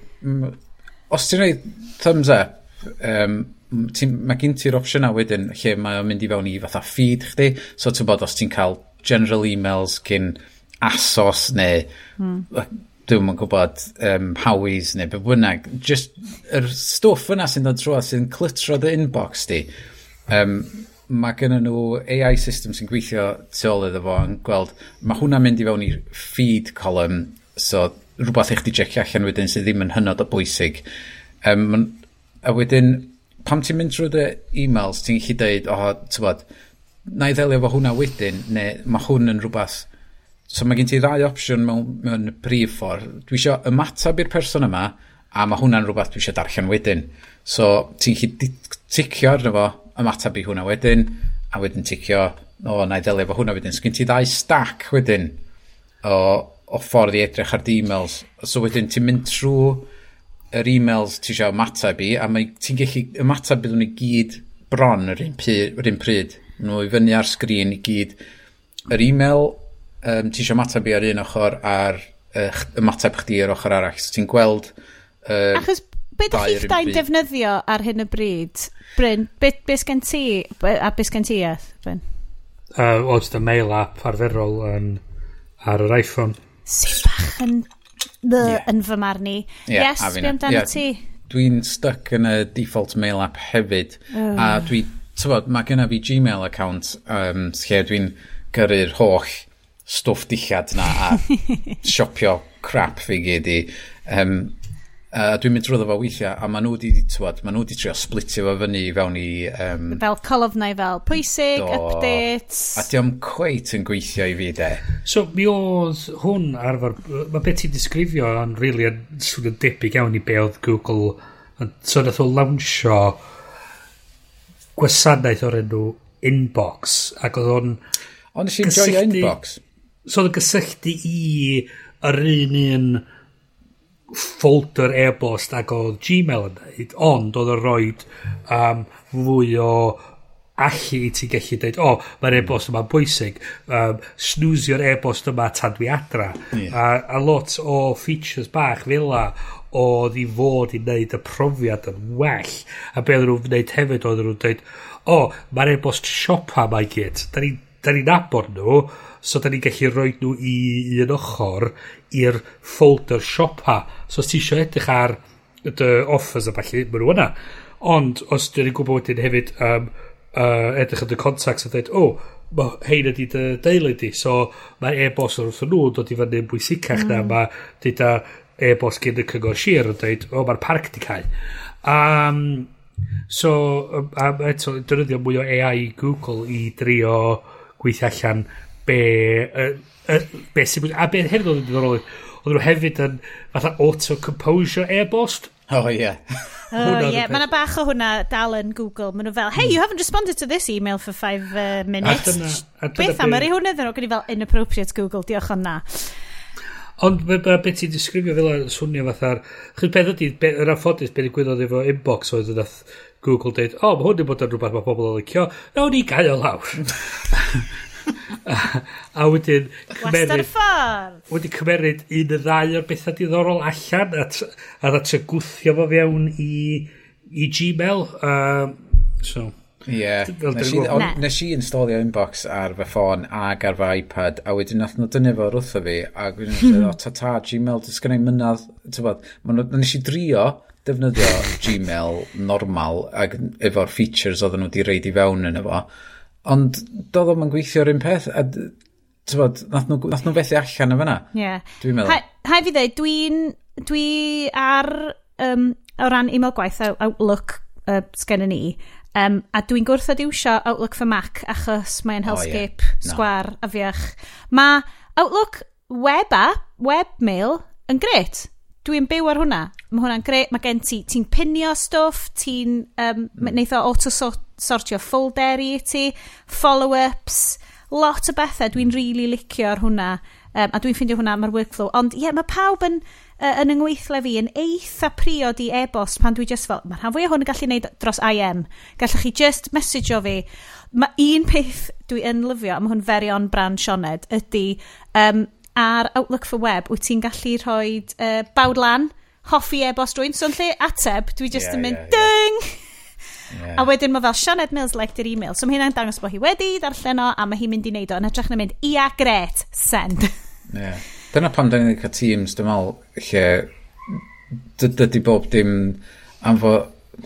Does o neb rili really yn licio i e-bost yn gwaith ni a mae yna gormod ohono fo. Ond mae e-bost yn, yn hen dechnoleg, mae pawb yn briod iddo fo achos dyma sut mae pethau wastad yn... Like, mae e-bost sydd yn underpinio y we. Mm. Fel y ffordd mae'r we yn gweithio, y ffordd mae unrhyw beth yn gweithio ar-lein. Mae gen i 3,000 o e-bost heb i ddarllen. Ar, Holy ar, shit! System, ar e-bost gwaith fi. Cos beth ydy, dwi'n cael copio mewn ar bob math o bethau. a, a sort of stwff fatha... Ti'n beth, ti'n angen, ti'n angen, ti'n angen, dwi'n... ges i copio mewn ar rhywbeth o'r blaen, o'r dweud, o, mae hyn di digwydd, ti'n dweud... Gre, diolch. An? O'n i'n meddwl sa ti eisiau gwybod? Really? uh, yeah. O, oh, so, on... so, so, so mae'n iawn i fi wneud, so mae'n iawn i fi gario ymlaen efo hyn. So, pan ti'n gofyn i fi? Dwi'n byd i'n fi. Un peth yda i'n e-bost ydi, dwi wedi colli... La, ba, un o'r pethau gorau na sydd oedd prodi, so bod fi wedi goffod newid, so nes i just newid e-mail adres fi. So mae pob peth pri 2011 just wedi diflannu. Sydd so, probably yn really wael oherwydd fel fydda angen profi pwy ydw i yn y dyfodol. Ond fel, dwi yn really wael am wneud y bwtwm nuclear o fel, dwi probably ddim angen hwn. Er bod holl, holl documents ti, mae mae insurance, mae pob beth yn under quotes e-bost. Dydy o ddim yn secure, dylai fo fod mewn rhyw mewn, mewn drive, mewn cloud drive, mewn, mewn documents folder. Na, mae o under quotes e-bost. Mm. Nes i wbeth tebyg fatha pan nes i newid yn ôl i wsio iOS. Nes i fatha nuclear a nes i, nes i lawr lwytho yn Gmail inbox fi i gyd si exportio'r holl thing allan. Mae'n ta flynyddoedd? Deg blynedd. Wow. Um, o'na lot o shit yn yma, o'na lot o shit. Nes i trio clynu allan gymaint yn yma ni'n gallu, ond o'na lot o stwff yn yma. Ti'n gwybod bod ti'n gallu talu bobl? O, un o'r rheswm nes i stopio gwrando ar un o'r American, pod, American Lady podcasts o'n i'n gwrando arna, oedd oedd, nhw, oedd un o'n nhw wedi dweud sut oedd hi wedi talu rwy'n i fynd trwy uh, e-bost nhw no. a fel tacluso fo a deletio fo a wedyn neud siŵr bod pethau mynd fewn i folders yn iawn. Ac yn i fel, mae ti di talu rwy'n i Mari Condo i o e-bost ti? Wow! Mae'r... Um, Planed gwahanol. So nes i exportio holl i allan um, zipio fo fyny a sticio fo ar y fatha drive sgynna i'n y tŷ efo ma unwaith. Unwaith. dwi wedi gorfod fynd i nôl yn ôl rhywbeth honno fo uh, mewn be, dwy flynedd erbyn hyn, unwaith, sydd yn mwy na o'n i wedi disgwyl dweud. Mae hwnna um, mor refreshing. Dwi'n licio'r bwtwm. Na, gyd na i ddeud amdan yr um, y default mail app ar iOS ydy, uh, dwi'n licio'r bwtwm lle just pad, just pad y dangos unrhyw beth arall i fi, just dangos y stuff sy'n newydd. A dwi just fel, ie, yeah, ie, yeah, darllen hwnna. Mm. Wedyn mae o'n, mae on glir. Yeah. A fi just fel, ffain, um, ie, mae hwnna. A, a, a be nes i hefyd oedd mynd trwy fatha, um, tansgrifio i siopa dwi'n mylicio dwi'n mynd yna um, ha meshi... ti'n mylicio wel I mean mm. pam dwi'n pam dwi'n cael yeah, e-bus yeah. gyn siop dwi'n eisiau nhw unwaith a maen nhw'n dal yn e-bus dwi'n bydda e. a wedyn ti'n mynd trwy a dweud um, right to be forgotten request a dweud please delete my data a ti'n mynd yeah. trwy hein am y broses o chadig o fydda fus ddau o disgwyl i beth yma diflannu rwystredig iawn diwedd Ond dwi'n mynd a ti'n mynd cael fatha milodd o e-bost i dy, hmm. i dy hmm. e-bost personol. Um, yeah, dwi'n defnyddio techneg um, lle dwi'n os, os da chi sylwi efo um, iCloud ti'n bod ti'n gallu cael if, fath forwarding fake email type thing. O, um, dwi'n gael rhywbeth da. So, mae gyda fi'r un, um, a diolch much os dwi'n reid hwnna allan yna, na'i'n na weld o, anyway, os da chi'n gyrru e-bost i mynadd at iCloud.com, um, mae o jyst yn mynd syth drwad ac yn allan ochr arall, a dwi'n dwi weld o. So, so mae, os dwi yn gorfod reid e-bost i ryw wefan yn rola, mae dwi jyst reid hwnna iddyn nhw, a na fo. Dim, dim, I love it. So, um, blynyddoedd yn ôl pan o'n i'n arfer gweithio'r llyfrgigen, Nethon ni, oedden ni wastad yn cael galwada gyn pobl yn trio gwerthu stwff technolog iddyn ni. Ac yn diwad, be oedden ni, oedden ni, oedden ni bron a wneud, oedd setio fyny person ffug o'r enw Sue Bwriel. Hwna yn well nag anhysbys. Oedden ni am... Oedden ni am setio fyny fatha voicemail iddi hi oedden ni am setio fyny e-bost iddi hi. A os yna rhywun yn ffonio fyny fysa ni jyst yn deud iddyn nhw o ia ia beth sy'n tynnu di galw sŵ galw, galw sŵ a maen nhw yn ffonio fyny.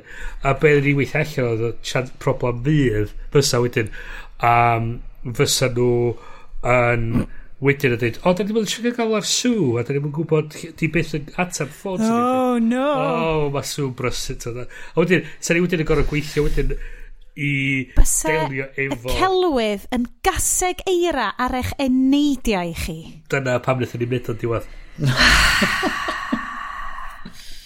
Ond episode title posib iawn o, o, dwi, i penod dwi, heno. Dwi, dwi definitely meddwl we, uh, mwy... Uh, meddwl dros amser Yn ddwys iawn i gael sŵ bwriel. Ddylen ni gael sŵ bwriel. Sŵ a iCloud.com. Do it, dwe, dwe, dwe. Mae hi'n, mae hi'n, mae hi'n, mae hi'n gweithio wych ac mae'n neud, mae'n neud job da iawn dwi'n meddwl. Mae ddim yn cael igon o glod am y gwaith mae hi'n neud. Reit te Hogs, ydych chi wedi gorffen hefo'r news? Do. Do, bydd y links da ni heb di cael at yn, yn y show notes. Yn y show notes. Dwi'n uh, awr a hanner i fewn y barod. Da ni rwan yn mynd i fynd i hoff ddarn obviously neb, yr haclediad Hafter Party. Gwelchiwch o draw. Lulu, lulu, lulu. Tonight is a magical night where I choose the cat that deserves a new life. Going to the ball could get dangerous. Come on!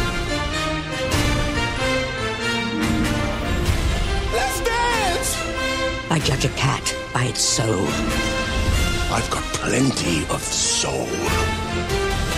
Spotlight. And a drum roll, please. No! It's party time. The most deserving cat will be reborn into another life. So they can be who they've always dreamed of being. What's your name? Cat got your tongue? Here we go!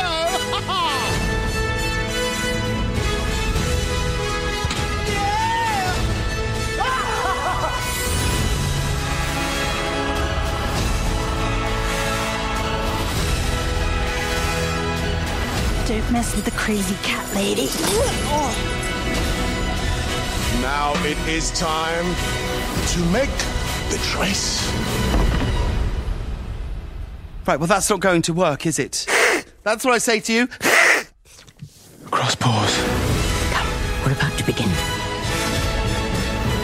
I love it. Ah, dyna chi. Dyna ni. Croeso nôl. Croeso'r after party. Dyma di lle. Mae pawb yn ymlacio, cael hwyl, siarad yn bethau positif, fun stuff da ni wedi bod yn neud. Hwna, sori, ni jyst yn mynd i siarad am cats! Oh, miaw. So, Aw. Ar ôl Black Hat mis diwetha, oedd yn particular flop yn ein um, uh, stor, uh, beth ti'n galw nhw, ffilm di ddim uh, viewing uh, hanes ni. Uh, Athyn ni fel, gynni watched, come on, gynni watched rhywbeth bach mwy, dwi'n bo, hwyliog, bach sydd yn mynd i fod yn fun bad. So ni di deud The Man From Uncle, ond oedd, uh, oedd pawb wedi asumio bod The Man From Uncle actually yn really dda, which mae o. Okay. Na, mae... Dwi'n cytuno. Iawn. Man from Uncle yn great. Mae Army Hammer a Superman yn efo. Ia. Okay? A mae Hugh Grant yn cael cameo bach yn efo. Mae Hugh Grant yn efo. A dyna dwi genuine yn credu sydd wedi arwain i Hugh Grant fod yn Paddington 2. A bod mor amazing yn Paddington 2. Ma, a, a Man from Uncle stylish dros ben oedd y siwtia a'r ffrocia falle i gyd yn hynod o wych. Man ffrwm yn clyngri. Hyd yn oed os na Guy Ritchie dydi... Uh, I mean, oedd o'n Guy Ritchie dros ben.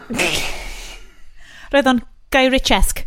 I mean, os ti'n meddwl amdano fo, I mean, dychmyg cymera yr elfen a'r pethau, mwy, pethau penodol allan o Man From Uncle a swopio fiewn yr styling a'r cymeriadau o um, Sherlock. Sherlock. Holmes Na, Sherlock Holmes. Sherlock Holmes, what else? Um, Sherlock ydy'r un wanky BBC. O, oh, reit, o, oh, reit, o, oh, reit. Sorry, um, Efo, efo Benedict What's-His-Face. Um, Cumber Ma- o- os ti- os ti'n Bindlestick cymeryd- Smash. Ie, Bindlestick Cumberbatch, ie. Um, ti'n cymeryd yr elfenna... Ti'n cymeryd yr elfenna penodol o Man From Uncle allan a roed elfenna Sherlock Holmes i fod. Sa ti'n gweld o mwy na lai union yr un un ffilm? sydd yn... Mae'n lyflu. Mae Alicia Ond... Vikander yn delightful yn efo. Yndi. A... Mil... A da ni yma i siarad y Man from Uncle. Mae hwnna'n ffilm really dda, which ti, dylen ni definitely. Dwi'n trio, dwi'n trio fatha... Dyleio Come on, Bryn. Come oh, on, Bryn. So, nes i awgrymu... Mae'r Jellicle Hour arno ni, ydy beth ti'n siarad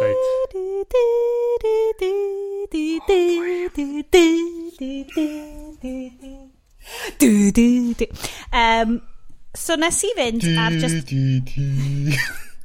Roedd ni swnio fath o Wally Wally Thomas. So, yes, dim ond bobl y Gynarfon sy'n getio Clan Midfield. Oedd gen ni rester o ffilmio oedden ni'n meddwl amdan. Ac, okay, bai fi oedd am dewis Cats. O oh, ie, yeah, cos nath o ddod, do, mi nath o ddod lawr i ti yn diwedd. Mi nath o ddod lawr i ti. O'n i heb di dewis ffilm so far yn yr yn, yr, yn y gyfres yma ac be ni'n gweld oedd fysa Cats yn aros ar y rester am beth mm. a be ni'n meddwl oedd ti'n be to hell with it Rwy'n i... Ro'n ni... Na, oedd y text just yn mynd, cats, question mark? Grab the, grab the nettle, grab the nettle a just mynd amdano fo. Uh, so wedyn athyn ni ar Just Watch ac o'n i fel, oh great, hei, dude, yes i mawr, ti'n gallu rentio fo'n bint ar BFI player? Amazing. So athyn ni... So si, oh, guys, guys, guys, bargen, bargen, bargen. Athyn ni draw i BFI player. A beth gen nhw oedd, Cats, 1959 government information film about the British love of cats. A ddysyn fel, gwyn ffocin watch hwnna, ta, ia? So hwnna, hwnna, gwyn i watch hwnna. Cats 1959. Which dylsyn ni probably fod wedi rentio hefyd i wneud fel yeah. tygau compare and contrast. Oh, actually... Pa mor um, um, tangent bach, wan, tangent bach. A chroeso. So, um, dwi wedi bod yn neud YouTube fatha black hole dros yr um, amser pan dwi wedi methu bod yn cysgu dros nos. Um, a mae'r algorithm yn taflu fyny pethau hynod o, o diddorol. Yn gan gynnwys fideo yn cael greu gan cwmni peirianneg yn America yn yr 40au dwi'n ama yn esbonio sut oedd uh, differential gears yn gweithio. O? A be o'n i'n bedd yn wych amdan hwn oedd, oedd o'n mynd yn, yn, yn, ar y deg ac yn glir dros ben yn esbonio sut o differential gears yn gweithio mewn ceir. A wedyn, be hefyd oedd, oedd nhw'n adeiladu modelau oedd yn dangos sut oedd hyn. Ac oedd nhw'n mynd, ac yn stepio fyny, ac i fyny, ac i fyny, yn dangos modela o sut oedd y things ma'n gweithio. Ac oedd yn dangos y, y ffaith, o ia, ti'n ti gosod yr yr, yr, um, yr axel efo dau bin yno fo, a di ti'n creu bar sydd yn troi ac yn symud o, ond y peth ydy, um, os ti'n efo dau fraich yno fo, then neith yr Olwyn o ddim gweithio. So ti'n ei pedwar braich arno fo, a dyn ti'n ti'n ti troi hwn o gwmpas. Ti'n newid y braich am um, am, am cogs a ti'n cael gwell power transfer. Ond wedi ti roi ond problem ydy os ti'n gosod yr, yr drive shaft yr uchel, ti'n cael lawr y spes gyd ti yn y cabin. So ti'n rhoi yr Drive Shaft yn ears, a ti'n cael gwell. Ac oedd y fascinating dros ben, just gweld... O'n i'n just clywed hwnna i gyd, fatha i'n window massive. Dwi'n barod am y punchline. O'na, just yn meddwl amdano... Ac oedd hwnna dal yn well. O'na dal yn well na cats. O'na dal, dal yn well na cats. Ie, nes i angofio am hwnna. Dwi'n mi fod yn siarad am cats. Eto, eto, eto, dwi'n trio heidio gorfod siarad am cats. So ti'n siarad am fel insomnia, like delirium ti, amdan differential gearing basically, systems yn y 40. I love it. Mae o fideo gwych, mae o honestly fideo gwych, ond, um, yeah. Um, um, oh, so, Cats. so, o gyfarwyddwr yeah. anhygoel Les Miserables a The King's Speech. Um, That's right. Inexplicably Oscar-winning Tom Hooper. Um, the, the Damned United hefyd. Hwran. Ah, eitha gwe. So mae o di wneud i enw mewn gwneud sort of Oscar Beatty, prestige kind of dramas. Wan te, unwaith eto, dwi'n gwybod bod fi'n deud hyn bob tro, mae gen Patrick Williams a Lindsay Ellis video essays arbennig sy'n mynd i allu articulate a lot gwell na fi. Just pam bod Tom Hooper ddim y dewis i wneud cuts. This is my hot take, boys. So, Dwi'n mynd i roed y hot take lawr yn gynnar. Gwana. Okay? Yeah. So Tom Hooper, gritty, really, ti'n mo, le mis. Mae'n realistic, oedd o'n dywyll iawn, oedd wedi cael, be di enw hi? Anne Hathaway i siafio'i ffen ar camera, tra'n canu'n amazing, got to the Oscar. Da iawn ti ai dyma'r person i wneud cats. I tell thee no! Er bod cats Cronfachau 2019 yn, spoilers, amazing, but not in a good way. Dwi'n credu, a mae hwn wedi dod yn cyfuniad rhwngth y fi ac Al, achos nath o ddeitha fi, allai ddim credu bod ti ddim wedi deud yr obvious. Pam na ddim Baz Luhrmann nath Cats? Ooh. Ac o'n i fel, fuck, ti'n nabod fi'n well na fi? Fel wow. dwi'n licio deud, bob cwpl o fynyddoedd, nes i dissertation coleg fi, 16,000 o eiriau ar Baz Luhrmann. He's a bonkers Australian film yeah. god. Yeah. Okay, problematic ma siŵr. Actually, yeah. Ond, uh, generally, os wyt ti'n mynd i gael rhywun i wneud 1980s, bobl mewn catsuits, musical, so, Baz Luhrmann yeah. yw dy ddyn, Moulin Some, Rouge, Strictly yeah. Ballroom. Mm. Mm -hmm. Mhm. yeah. Australia! Sen ydi wneud, sen ydi wneud synwyr? Sen ydi wneud synwyr? Romeo plus Juliet. Um, so nes i edrych fyny bach o stats. Um, so di sel, so ddy'r sioe wedi selio ar cyfres penillion T.S. Eliot. Oedd y sioe... Dwi'n lyfio fod Bryn di wneud ymchwil. Go Bryn. Oedd i redag am 18 blynedd. Ar y, Tan bod nhw angen rest a wedyn cario ymlaen. Ia, a di di redag am 21 blwyddyn ar y West End yr chwechad, yr place ti'r deg am y chwechad hira ar y West End.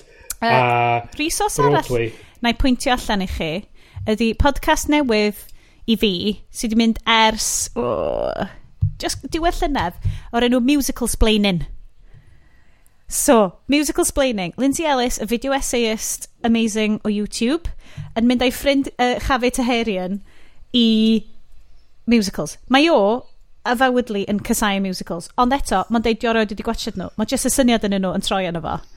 Fel, mae hwn yn weird. So mae hi wedi deud, wneith i fynd efo i bethau. A mae'r benod ar cats yn amazing. Oedd e fel, but, but what, ha what happens? So, but, yeah. A'r holl pwynt o cats ydi, dyn ni'n mynd gwybod. so, y peth ydi, so, Doedd y sioe o gwmpas oedd on oedd Weber di cymeryd y penillion T.S. Eliot a di gosod nhw i cerdd. Achos bod Weber so, yn caru cathod. Not a word well, of a lie. Um, a wedyn be'n digwydd wedyn gafodd y sioe wedyn i datblygu i fod wedyn y sioe ar gyfer y llwyfan.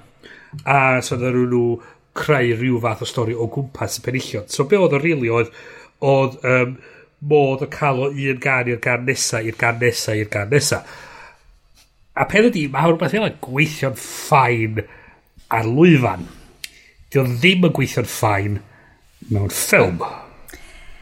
Wan te, mae Cats yn... Of Cats 2019 mewn cronfache yn weledol swmpus. Mae'n fawr, mae'n lliwgar, mae'n... Wledd weledol, heblaw pan wyt ti'n gweld bod y bobl bach yn y Digital Effect Studio ddim wedi cael amser i sticio gwynebau ar bobl yn iawn, a mae gwynebau nhw'n floatio rownd bach yn wir. So, o'n i... I tried, no. Mae gen i nodyn yn fyma, so mae gen ti Uncanny Valley question mark ac ar arno wedyn Creepy Chasm. Mm, yeah. So dim cwet yn yr Uncanny Valley, mae yn y Creepy Chasm. A mae gen ti gwynebau pobl yn floatio o rwth i, o rwth i gwynebau nhw mi'n peth na i hefyd ddeud ydy, nid yn unig ydy o'n edrych fel GoldenEye cutscene, mae o hefyd... So, flashbacks i ryw chwe mlynedd yn ôl, ges i fy ail blentyn, ac ar ôl cael babi, ges i trwy very weird. Dwi'n lwcus iawn, ddim, dwi ddim wedi dioddio fel iselder ôl babi mewn byd fel na. Ond nes i trwy gyfnod, good cyfnod, o ryw 2-3 mis, a i ddysau i gael y babi o bod fi'n absolutely cysau anifeiliaid a, a cathod specifically. Oedd y ffordd oedden nhw'n symud yn threatening. Hmm. Allai ddim esbonio pam, dwi'n rili really gobeithio bod fel unig psycholegedd Cymru, Dr Mair Williams neu rhywun yn gwrando ar hwn ac yn gallu esbonio fi pam bod fi specifically methu sbio ar cathod heb gael fel yr reaction na. Ond oedden nhw'n threatening. A ges i rhyw tiny flashback o hwnna, di syl ma, hmm. tra'n gwylio cats. Yeah. So... Oedd gwylio bobl, mm. oedd o'i gyd yn very creepily sexual er bod y ffilm yma yn ibedol a thus yn berffaith i fy merch pimp oed sydd actually genuinely caru'r ffilm yma.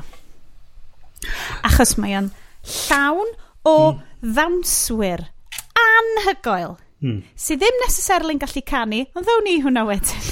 Wel, so, a, a be oedd nhw wedi gwneud o, di, di cael nhw i ddawnsio, a wedi di CG o gwynaba pobl ar, ar ei penna nhw, a dyna be, dyna be. Go iawn! So, cer fi trwy iddo fo wan. So, mae yna ddawnswyr proffesiynol, yeah. ond hefyd actorion... Yeah, Achos o'n i di meddwl... So, er eng... so gymer... prif gymeriad ti ydi Victoria, cath mm -hmm. fach, cath, mewn quotes, bach wen, mae'n yeah. cael ei dympio, mae'r, quotes gelical cathod, mm, an, yn cipio hi. Ac yn dweud... Darganfod hi, ia. Ti di gweld hwn ar llwyfan? Na ddo. Na. Mm. Na'n weld o chwaith. Na'n weld. Na. Dydy'r dydy cath wyn ma ddim yn yr un llwyfan o beth dwi'n ddallt. Na. Ma, so, Mae hi'n audience surrogate, ia? Hi di'r audience surrogate ar gyfer y ffilm.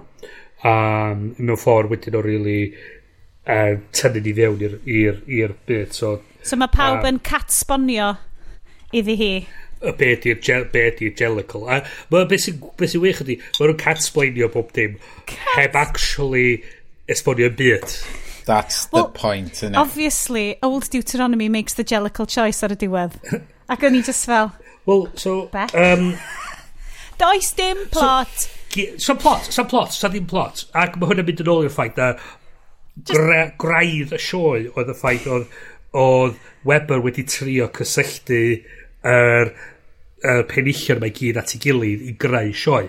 A mae'n mynd yn ôl i be ydi MO Weber ar gyfer sioe fel yma. Mae nhw'n creu stori sydd yn really roach, ond mae'n creu un can sydd yn ydy'r un ti'n cofio... Beltar. Beltar o gan ti'n cofio yn gadael. Ac y beltar yn cat ydy memories. Ac yr un... Ac yr gan, a'r un, y person oedd gan yma'n y sioe greiddiol ar y West End oedd Elaine Page. We stan. Sydd sy yn, sydd yn ipin o, ipin o, o, o, o ganeuon, a mae hi'n, a hwnna ydy, os ti'n meddwl amdan memories, hi ydy'r un ti'n mynd yn ôl i ac, ac yn meddwl amdan. One sec, yeah. no, Oedd y fersiwn yma ddim yn agos i'r fersiwn oedd ym ymhen fi de. So, ti'n beth dwi'n teimlo fod Jennifer Hudson wedi wneud job da? Jennifer Hudson wedi wneud y dda efo Bagathi. Oedd hi'n... Oedd hi 120% o'r cychwyn. So, yr unig lle oedd hi'n gallu mynd oedd rhy gormod. Ond, dyna beth, ti'n mo, mae hi'n beltar. Ti'n mynd disgwyl i hi ddod fewn a pidio blastio fo hmm. yn y ffordd gorau posib. Hmm. Ond er, be ddedau ydy, Jennifer Hudson, Rian Honey, God love her, great job, canu, dwi'n gwybod faint mor dde, oedd, oedd, oedd faint o snot oedd hi'n gallu produsio? Oedd y snot yn ormod. Yn anhyg, oedd ti'n meddwl bod o'n CGI snot? Achos yn... Gobeithio, neu mae'n Anhygoel, ddo. Ond os mae gallu canu fe gymaint yn anwyd, dde. Ond nhw'n probably di recordio fo yn mis mehefin, achos oedd hi'n hay fever season, a mm. snot just, just mynd. Yeah. Dwi'n meddwl, sa di gwella, o na, de, ydi, sa chdi rei gwynab grumpy cat arna hi tra oedd hi'n canu fo. Swn i wrth fy modd ydyn. Oh my god, wyt ti'n mynd y Grumpy Cat ydi Grisabella? Cys... Ie. Yeah. So, dwi, o'n i'n meddwl amdan hyn bore yma, dwi'n meddwl be ydy y problem efo fo ydy. A mae hyn ydy... Dwi wedi dall, dwi'n beth ydy problem. Na chi, na, na, a hwn di siri fi, hwn di siri fi. Yeah. Be oedden nhw wedi wneud oedd, di, di, tri, di cymeryd y sioe llwyfan a di wneud ffilm allan o'n fo yn ytrach na trio wneud ffilm, ffilm. o sioi llwyfan. So mae yna hefyd, unwaith eto, deep dive um, YouTube video essays fi, cys dyna fy hoff math i o gelfyddyd. Um, dwi ddim wedi gwylio cyfres ar Netflix ers blynyddoedd, ond mi na i def... O, heb on Discovery, mi stan. Ond, mi na i watched video essays am, am ffilms ar YouTube o bore gwynta nos, a mi oedd Lindsay Ellis yn cedi wedi pwyntio allan bod yn ynghyfnod The Aristocats cyn cyfnod Cats the Musical mi oedd Disney dwi'n credu Disney nawr wedi bod yn sgetio ac yn gwneud syniadau o sut yn nhw'n gwneud animated fersiwn o'r straeon yma. A dyna unwaith eto ddoth hwnna fyny yn sgwrs ni o fel Tasa ti, ta ti di gallu gwneud gymaint gwell job o hyn. Tasa ti, tasa fo'n animated. Hmm. A dim animated, ti'n animated mewn ffordd Spider-Verse-aidd, mewn hmm. ffordd gyfoes, yeah. mewn ffordd gelfyddydol. Achos mi na i ddeud, oedd Cat, mae lot o bobl fel, oh, mae'n shit. Dwi'n yn cedi bod o'n heiddi y gachfa mae bobl wedi rhoi dan fo. Dwi ddim yn cedi bod yr... yr achos mae, mae o'n... Mae, mae di wneud efo intent da. Dwi'n cedi bod neb wedi mynd fyny cat right, a di deud, da ni'n mynd i wneud job shit o hyn just i gael y pres. Right? A, a, a, a, chwarae teg, a chwarae teg, dyn nhw heb di wneud pres, so mission accomplished. Yn ail, mae'r dawnsio'n superb. Di Bryn ddim yn licio bod na gymaint o ddawnsio, I grant you. Na, na, na, so, oh, sorry, gwrtha di'n y bwynt, na, dyna i ddweud beth dwi'n meddwl. So mae'r dawnsio, dwi ti'n mynd gweld dawnsio ar sgrin. Yes, then, bear with me, right? Yes, then, just tyd hefo fi ar y siwrn yma ti'n gweld dawnsio o'r sgrin digon rwan. Rwan bod na ddim step up to the streets a beth yn digwydd. Ar ôl Greatest Showman, o'n i'n edrych am fwy o ddawns yn fy myd. A gan bod brain fi hefyd yn locio fewn i bren hogan bach 5 oed, great. Mi na i hefyd dweud bod Victoria methu canu. Dwi ddim yn credu dylse hi wedi cael y rhan yna, well, a dawns roedd yn gret. Ddim yn gallu canu. Principal ballet dancer ydy hi. So, yn union! So, um, Do, mi nes i ddeud o'n ormod o dawnsio o be, be ni feddwl oedd mewn cyd-destun ffilm. Chos o'na, ona stretches fatha deg munud lle oedd o'na ond dawnsio. O ie, yeah, cys doedd gen nhw ddim... Does gen nhw ddim... Does am stori. Yng eiriau fy mab? Oh. Ydyn nhw actually mynd i siarad yn hwn, neu ydyn nhw just mynd i canu drwy'r amser? A, Na lle, maen nhw just mynd i canu. Mae hynna'n mynd yn ôl i be ni ddeud oedd, nhw wedi cymeryd fersiwn oedd ar y llwyfan a di ffilmio fo yn ytrach na creu fersiwn ffilm o'r sioe, ar, o, o sioe y llwyfan. A hynna wedyn i fi hefyd yn dod yn y diwedd y ffilm, lle mae gyd ti diwedd naturiol. So mae gen ti diwedd naturiol i'r ffilm, does? Ah, mae Chris Bella yn mynd i'r nefoedd. Oce, okay, gret. Mae... Um, mae ma gen ti shot yn anhygol lle mae ma cafod ti yn hongian ar y, ar y cable a mae disgyn ar ben Um, Idris Naked Elba. Idris Naked Elba yn disgyn ar Ben Nelson's column. A mae'r ma ma balŵn ma'n mynd off i'r nefod. Mae hwnna'n diwad naturiol uh, Good cinematic. Mae'n gret.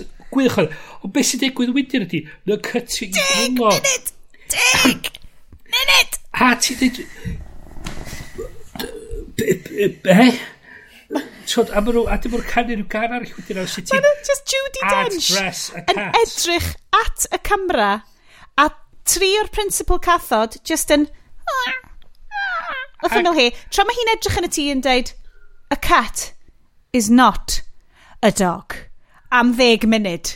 A, a eto, mae o'n ffain ar y chwyfan. Mae'n just grŵp o'n nhw wedyn, just yn edrych ar y balŵn, yn mynd i'r nefoedd. A, am 30 eiliad. A hwnna oedd... Hwna, o hwnna angen, o'n angen hwnna fod yn y ffilm. Chos o gyd ti diwedd naturiol, oedd o di gorffan. Dyna ni. End, done. Tod, Dwi genuinely... Yes, dwi'n mynd i ddod at ti rwan. Mae rai fi just deud. Na, o'n i si watched, es i'n joio Ian McKellen. Ian McKellen oedd, oedd yn berfformiad da mewn fôr o WTFs.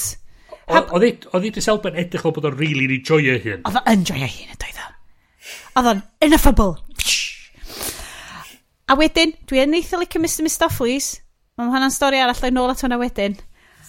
Ond, nathon ni posio, achos oedd like, fel, ych gyda pos, yr pos, mynd i ti bach. Oce, okay. so i pos arno fo. O gennym ni awr arall i fynd. Ac yn i fel, oh, shite.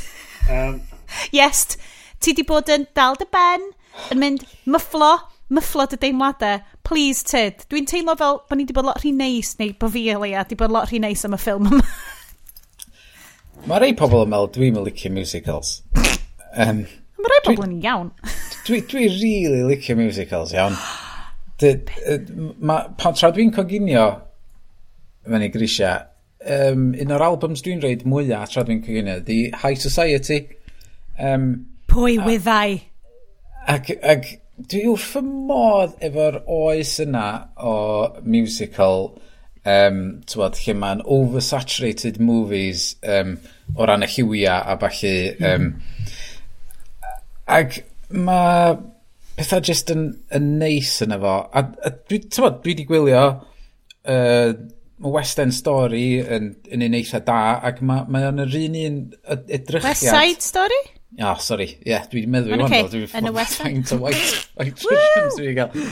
Um, Tywod, o ran yr, y look a'r feel, dyna o'n i'n gael o hwn o'r cychwyn, er, fatha y backstreet alleyways a balli, ac oedd o'n edrych yn, yn lyflu a mae wedi cael ei ffilmio neis, um, ond efo gymaint o flaws yn efo. Ond mae hwn yn shit sandwich wan, dydy.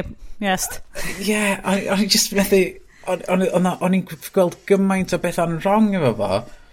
Oedd y caneuon i ddechrau ni, o'n i'n mond yn nabod... Um, am rhyw reswm o'n i'n nabod Mr Mistopheles a Memories. Um, Ond y caneuon eraill, o'n i'm yn gwybod nhw, so o'n i'm yn gallu neud allan y geiriau, o'n i'm yn gwybod be oedden nhw'n ddeud. Oedd gen i'm syniad be oedd yn mynd ymlaen. 90% o'r amser, yr gair jellicle oedd nhw'n dweud. Yeah. So, jellicle.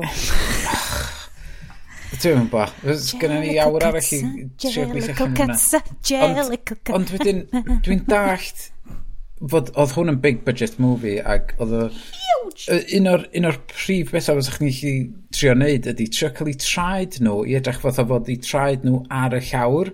Oedd nhw'n edrych fatha fod nhw'n sglefrio oh. ar draws. Ond, yes, mae gen ti lygad am hyn i gyd. O'n i yn licio sequence y Railway Cat, achos wrth gwrs ar ôl i Bryn a ddysgu fi amdan faint mae Andrew Lloyd Webber nid yn unig yn licio cathod, ond hefyd yn licio trains. so, yr er, tamad e, a railway cat a hefyd bygio fi o be Iestyn yn dweud um, oedd pam oedden nhw'n cerdded ar hyd rail oedd nhw'n oedd chdi'n edrych ar fo ac oedd y rail yn edrych yn smal. O'n nhw mor bychan bach. A ti'n gwybod beth di digwydd oedd oedd y whole thing di cael ei recordio mewn, mewn studio gwerth a nhw, a nhw di CG o bob peth i mewn yn y cefndir. So o'ch ti'n really cael rhyw fath o awydd o a, neu ama ar be oedd granfa pob dim yn, yn hyn i gyd ac oedd o'n tynnu ti allan ond fo chys oedd y CG mor wael mm. a mae hynny hefyd mae ma, sa neb yn gwisgo sgidia mae nhw'n gathod heblaw amdan dau gath quotes urban oedd yn gwisgo... Sydd yn dawnsio mewn trainers. Converses, ia. Yeah. Mewn, mewn converses yn benodol. Achos oedden nhw'n neud street dance. O wedyn, ddaru'r railway cat oedd i fewn mewn tap shoes a mynd i fewn i tap routine. Wan te, oedd y railway cat, o'n i'n convinced na boi Cymraeg oedd o, achos oedd o'n edrych fel y boi gwallcoch Cymraeg. Oh. uh, wain rhywbeth Davies ydi o, a mae allan yn Hollywood, a mae gen fo fel, mae gen fo gwall coch a fel i curly moustache. Bryn, moustache yr railway Looking cat ydi llew ti angen mynd gyda llaw. Just waxed, wow. A, a, a, o'n i just fel, beth pwynt ar y Cat. Ond wrth gwrs, mae'n rhan o'r quotes plot, a mae'r ffordd ma McCavity uh, gath the raiders ti hwn, ti'n mynd rownd just yn fel disappeario a just yn mynd ineffable a disappeario hun. Lle does na ddim fel rhesymeg a does na ddim fel dyna di'r prif thing y stori dydy o'n stori. does na rhesymeg iddo fo. Na. Does am byd yn eich di fatha poeni a gifio shit am beth sy'n mynd ymlaen. So dyna fatha... pam dwi'n deud, kids bach pimp oed. Lleigs yn lyfio hwn. Oedd? Ie, ond mae hi mewn phase downs. Dydy mhlan ti ddim yn bimp oed i moi. Nath o gymryd um, i fyny at James Corden i yr hynna fynd, fel hyn mae o trwyddo fo. Dyna fo. Rubbish. Dyna'r geiriau. Ac stormio o mai chwarae Fortnite. James um, Corden. A wedyn... a wedyn... Mymryn wedyn nath o gymryd i i'r ferch mynd, o, oh, os rai fi wylio hwn. Ac, oh. ac yn dweud, na, gos, os yw'n rhaid i chdi, gyd i fynd hon. Um, Dad so yn ei hwn i gwaith. Ia. Yeah. Um, so, so ath i o na. Um, ond reit o'r cychwyn oedden nhw wedi colli fi mewn ffordd oherwydd Oeddech chdi'n clywed yr opening music yn cicio mewn? Yr discord, discordant. Ie, yeah. ond mae chdi'n canu fo yn neud o'n swnio'n dda. Hmm. Lle oh, oedden nhw'n defnyddio y rhyw 1980s oh! S4C organ ma fatha ar rhew poeth neu Come Field. Mae siŵr bod hwnna fod... A dwi ddim yn defendio'r ffilm ma er bod yn swnio fo fi'n really defendio'r ffilm ma Chos falle bod y ffilm ma wedi Stockholm Syndrome o fi. Chos goffes i watched o dwy waith. What? Achos, oedd Lleigs eisiau watch it... Na, na, na llun ar y sychyd i bore dy syl. Na ti! So mae hwnna'n authentic. Authentic di hwnna. Mae ma hwnna o'r uh, o'r fatha yr, yr fersiwn greiddiol o'r yeah, sioe. Ond Ti di mesio fyny algorithms, ti wan Bryn. Hmm.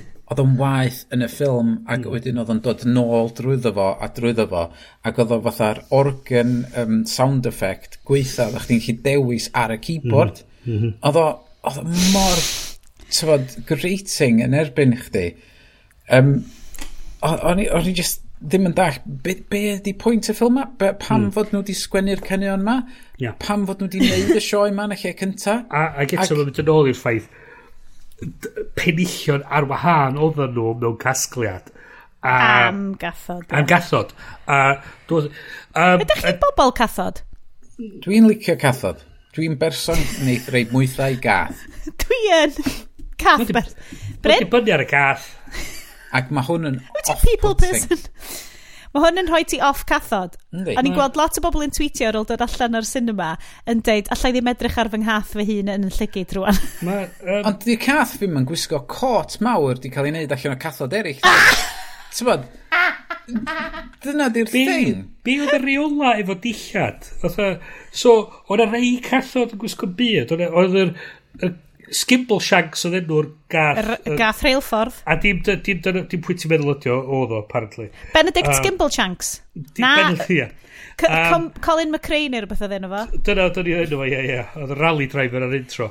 Um, na, um, oedd o gwisgo uniform rail, uh, a tap shoes.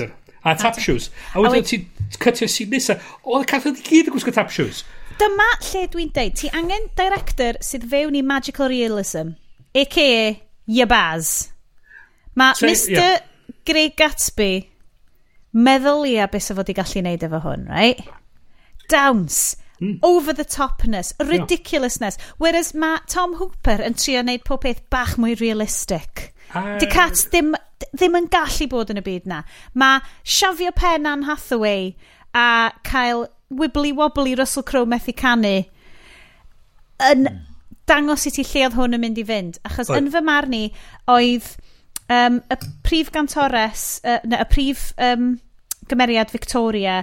Uh, y gynulleidfa. Wrth gwrs, bo fi wedi anghofio enw hi, achos mae hynna'n rili really amharchus. Ond oh, uh, doi... Francesca Hayward. Francesca Hayward. Dawn Swraig arbennig, hyfryd. Just y, y ffordd oedd bobl yn symud i cyrff, mae'n hyfryd. Oedd yn neud fi just eisiau neud yoga am hanner awr, oedd o'n gret. Ond, doedd hi methu canu, achos gwenno nhw gan, mae, mae hi'n canu can yn ganol y sioe, sioe, ffilm. Hmm. Um, beautiful ghosts.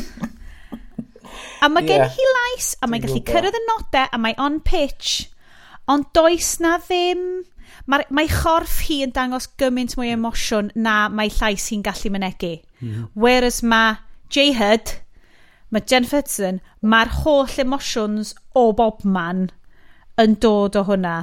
Yn dod, a mae'n hyfryd, a mae Judy Dench yn gath, yn hen gath flewog ddoeth. Mm. Nes i canu. Dim really. Well, mi, mi, mi oedd Ian it. McKellen. Oh, Ond e, mi ddedau o to. Joyous i hwnna. Wan te. Nes i'n dach gair iddo ddo. Pwy nes i joio? Oedd... Taylor Wan Swift. Oedd Na, Taylor Swift yn gallu canu. Taylor Swift gallu canu, ond oedd hi'n gwneud acen Llundain mae cavities not there. Yeah. Cyn i fel, alright, Tay-Tay, beth ti'n e, neud? E, Chwarae teg, oedd hi'n edrych o, eto, edrych o hi'n cael hwyl efo fo. Wyt Oedd y darn gorau i fi. Wyt ti'n sylwi? O'n i'n teimlo fatha, o, o, it's a music video, I, I, I get it. Wyt ti'n meddwl, um, yes, bod hwnna, yeah. dwi'n gwybod blaen tyn chi sydd wedi gwachod Moulin Rouge gymaint o weithiau fi, hmm. ond Mae'r holl pishin yna fel yr holl darnau sy'n digwydd o fewn y Moulin Rouge yn Moulin Rouge. Mae'r Tango de Roxanne, yeah, mae'r Diamond Sparkling mm. show. Yeah. Dyna lle dylse fo. Dyna so lle dylse fo. So di neilio hynna i gyd. Oh my god. Um, bod, a, a hefo fo, so fo di bod yn amazing mess. Ddim efo storyline ddo na ta. Ah. Os na fos nhw wedi adal, trio adeiladu rhywbeth arall i fewn sydd mm. ddim yn yr un llwyfan. So lle sy'n ni'n mynd efo fwan? So da ni'n ni meddwl, wel, mae gen ti dy audience surrogate, so mae gen ti'r gath fach wen ma, lle mae pawb yn goffo cath sbonio. A mae, ma un gath, a'i job o specifically ydy cath sbonio, um, sef myc, myc, McCurgle. Dim McCavity, dim Mistoffleys, ond mae o'n McCurgle. Wel, mae Bryn yn mynd i'r gornel IMDb, diolch, tra bod fi'n moedro fan hyn. Oedd o mewn ffilm gwahanol i pawb arall.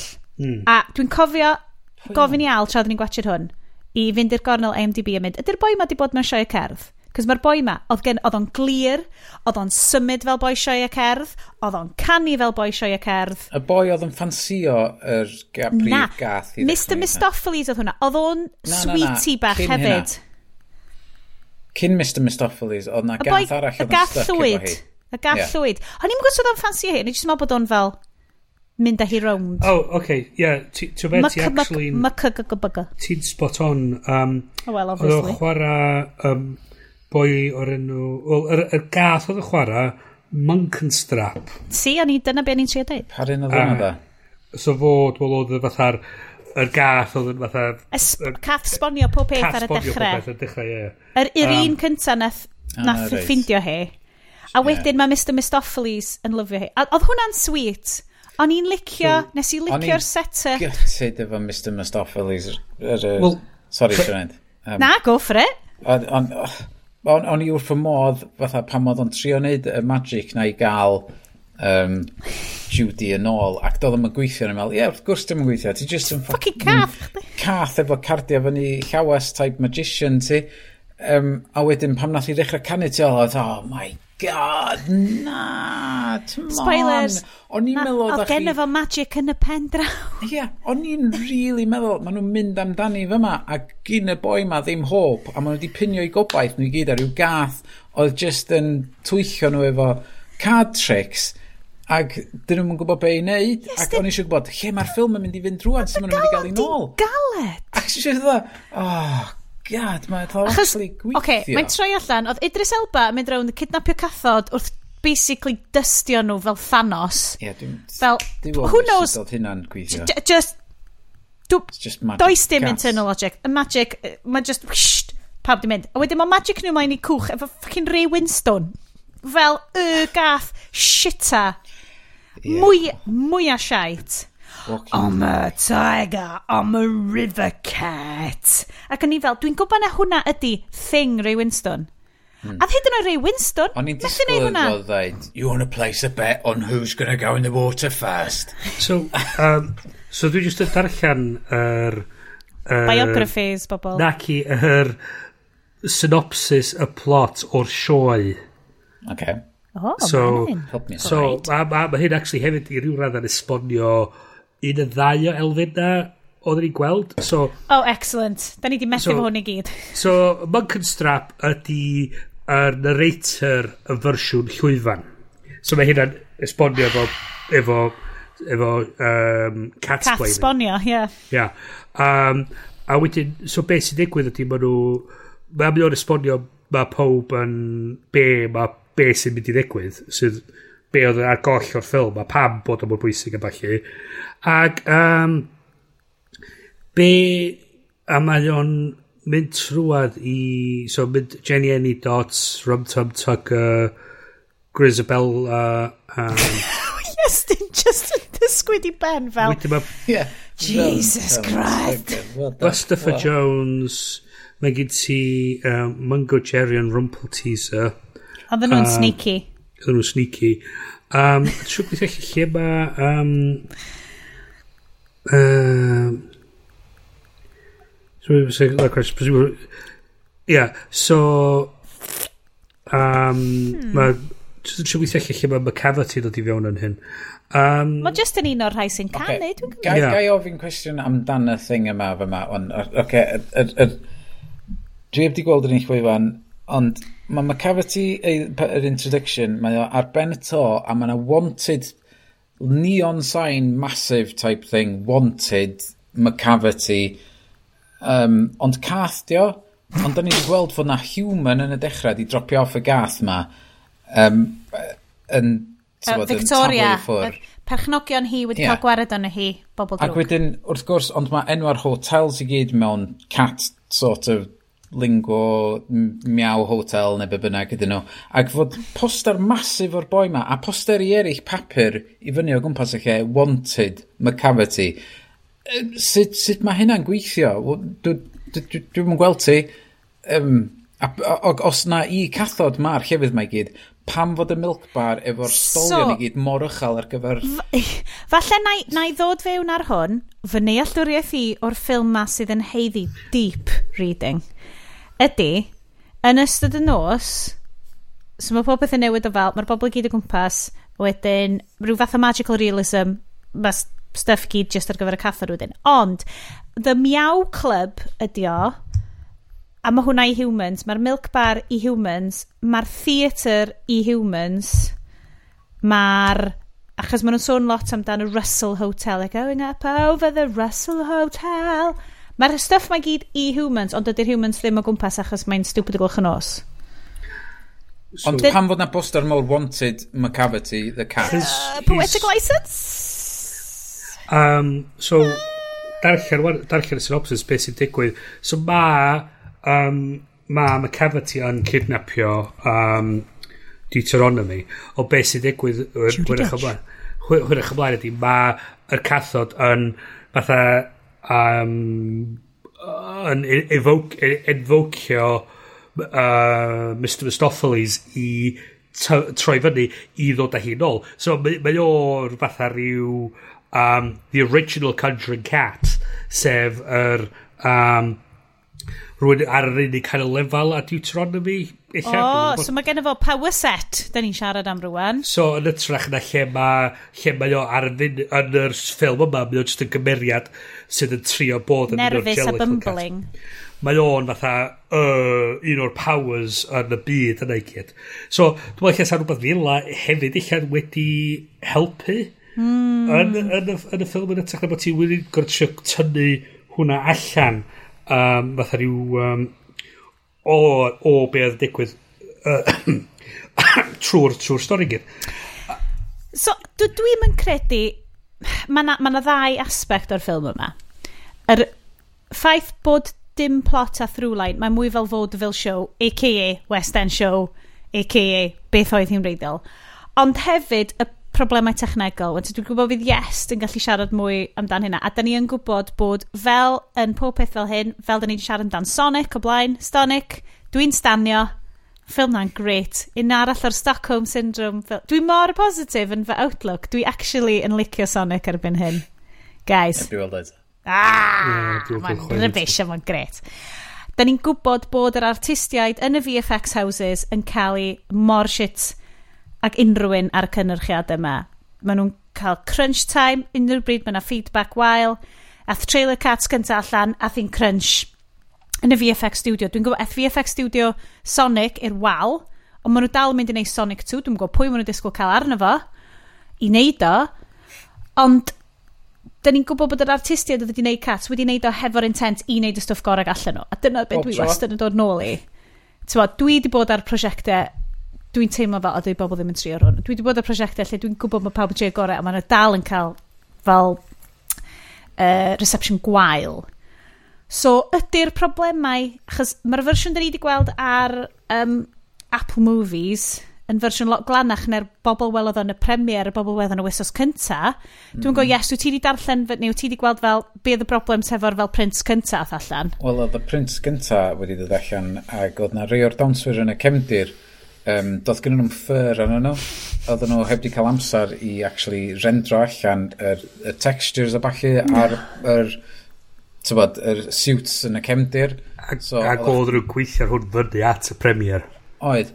So dwi'n dwi, dwi gweld, tywed, dwi, dwi'n yn gweld downfall y ffilm ma o fewn yr pethau da ni wedi deud yn erbyn nhw o'r ran y traed yn symud a'r gwyneba yn symud yn, uh, o'r wrth y cymeriadau dydy o ddim byd i wneud efo y CG. Mae'r ma CG pan mae'n gweithio, yn gweithio'n dda, ond yr, yr actual syniad tu ôl iddo fo, fod pobl a cathod yn edrych yn debyg a fatha fod na rhyw crossbreeding di mynd ymlaen, yeah. ddim yn mynd i weithio.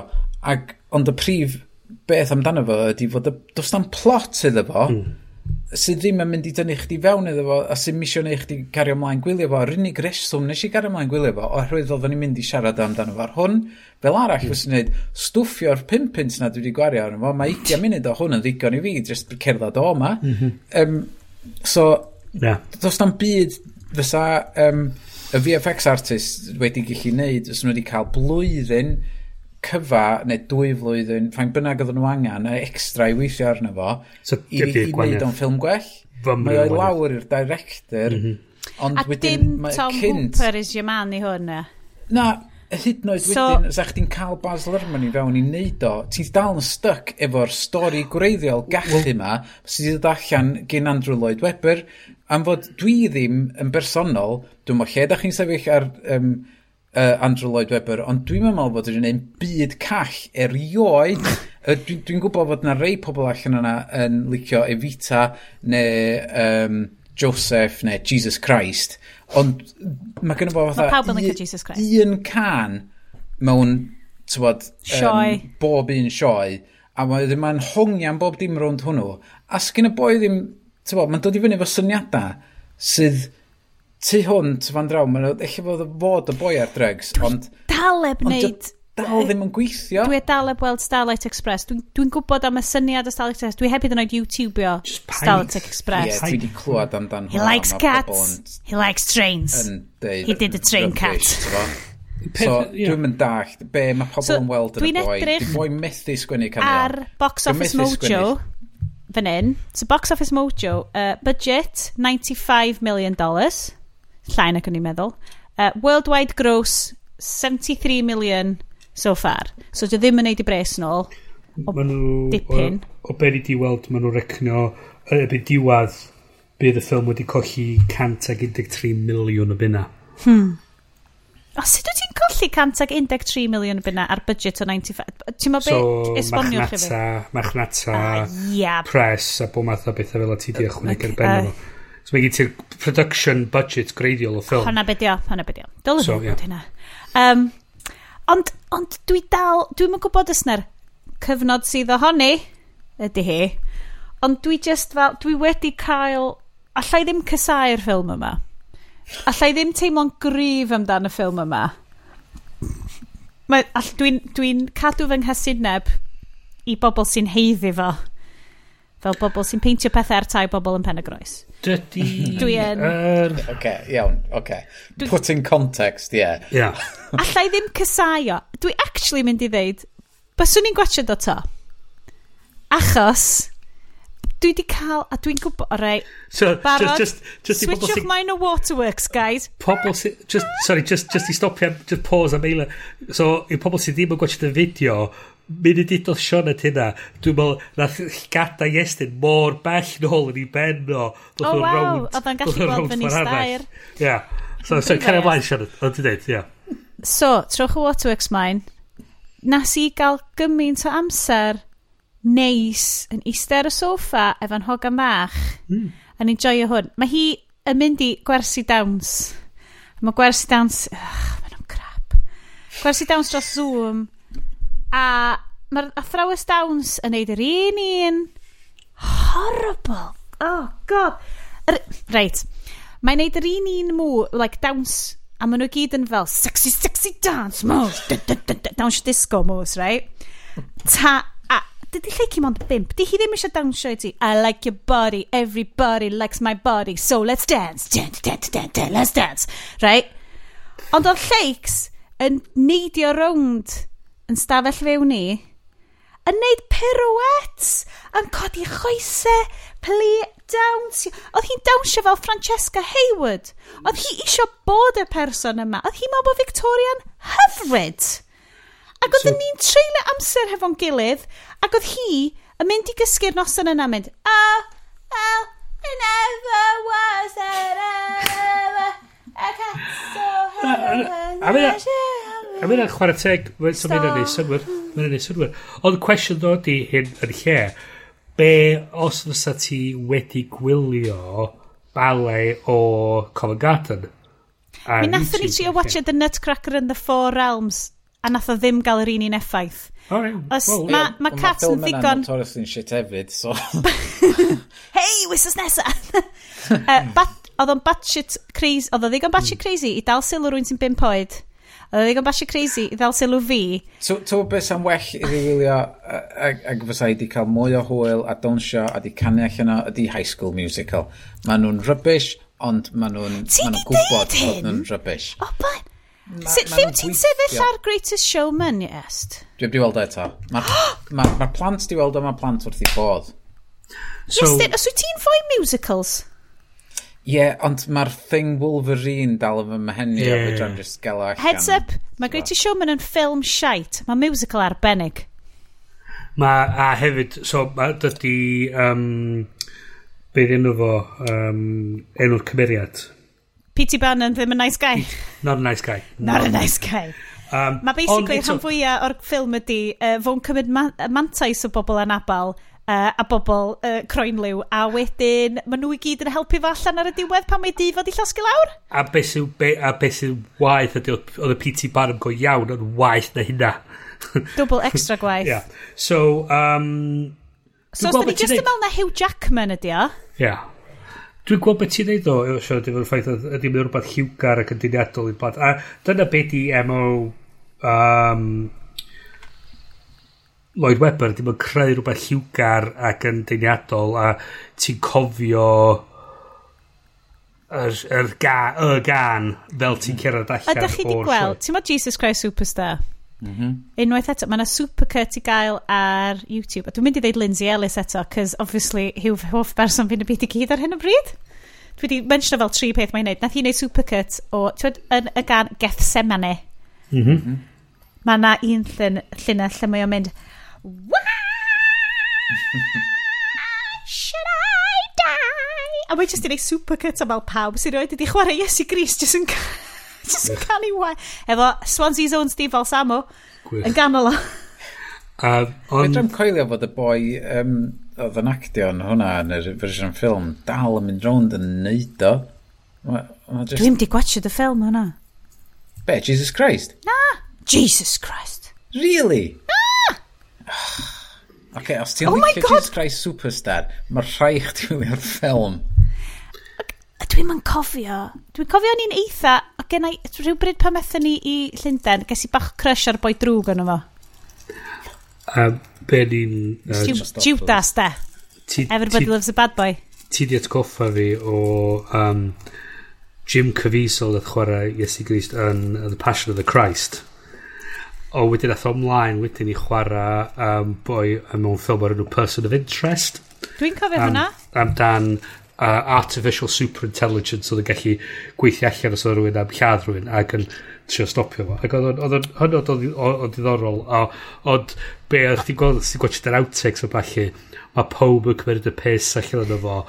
A Jesus jokes yno efo a neu Jesus jokes yno fo. Mae yna bit lle mae'n fatha'n siarad efo efo anifeiliad a mae yna bit lle mae'n dweud ti'n methu neud i byd am y tywydd? So mae'r whole thing just an endless amount o jokes amdan fatha yeah, Sir Francis oedd yn actio Mr Mistoffelis Dwi'n gweld, nes i fynd, pwy ydi hwn? Chos mae'n edrych fel rhyw fath o sweetie character actor Saesneg. Ond mae'n ma edrych, yn ôl i IMDb fo, oedd o di bod, oedd o di un o'i sereni mewn neu bod yn cyfres o'r enw Will, sef American version o uh, Young Shakespeare Goes to London fucks kind of thing. Uh, ac o'n i just meddwl fel, no, pam sy'n ni'n di gwasio hwnna? Mae hwnna that's right up my street. Dwi'n licio mynd i y globe a falle. Um, Ac o'n i jyst mal careers pwy fydd hwn yn brifo. So fydd Tate yn ffain. O fydd. Fydd McKellen a Dench yn ffain. Ydy, maen nhw'n national treasures. Um, Corden, probably yn ffain, gweithio'r gweith ar modd. Oedd Elba'n iawn hefyd efo. Oedd Elba'n Oedd Elba, oedd Elba mewn ffilm gwahanol pobl all. Oedd, oedd, oedd, oedd o'n just fatha. Oedd o'n gwybod pa ffilm oedd yna yma. A fel ti'n deud efo fatha, um, High School Musical, maen nhw'n dall beth nhw. Maen nhw'n dall fatha cheesy pop renditions. Ond dwi ddim yn credu bod Tom Hooper yn na, gwybod na, pa fath o ffilm oedd hwn. Na, na. A mae ti, mae beth, beth ti'n dweud cyntaf iawn, mae o'n mynd am fatha'r gritty realism fath o beth. Let's try and make it as real as possible. Ti fel, think, no. it's cats. No, let's not. Let's not do Dude. that. Dwyd. Uh, um, Ie, fe Titan iawn fydd... A gweitha ydi... Be arall fydd Francesca Hayward yn neud o? Wel, bydd hi'n mynd yn ôl i bale. Dyna'r yeah. eithi sy'n ôl i'r bale. A ti'n be, gyda hi probably fwy o hwyl yn neud bale. Neud bale. Er bod bale'n hardcore. Dwi wedi gweld Black Swan. Hmm. Dwi'n gwybod beth. Um, mae... A gyda ffodus ydy, mae'n eitha tebyg i Tom Hooper ffilm arall. Oh. Mae'n eitha sicr i ffilm arall. Um... So, grandwch, o ran cat, dwi'n eitha hyderus bys chi'ch dau byth eisiau fod dwllych telus chi beth eto. Byth. Dwi yn eitha ystyried, falle cwpl fynyddoedd lawr y lein, falle fydd na DVD, literally DVD yn cyrraedd tu ni, a lle y kids roedd ymlaen ystyn nhw isio yn y peiriant DVDs.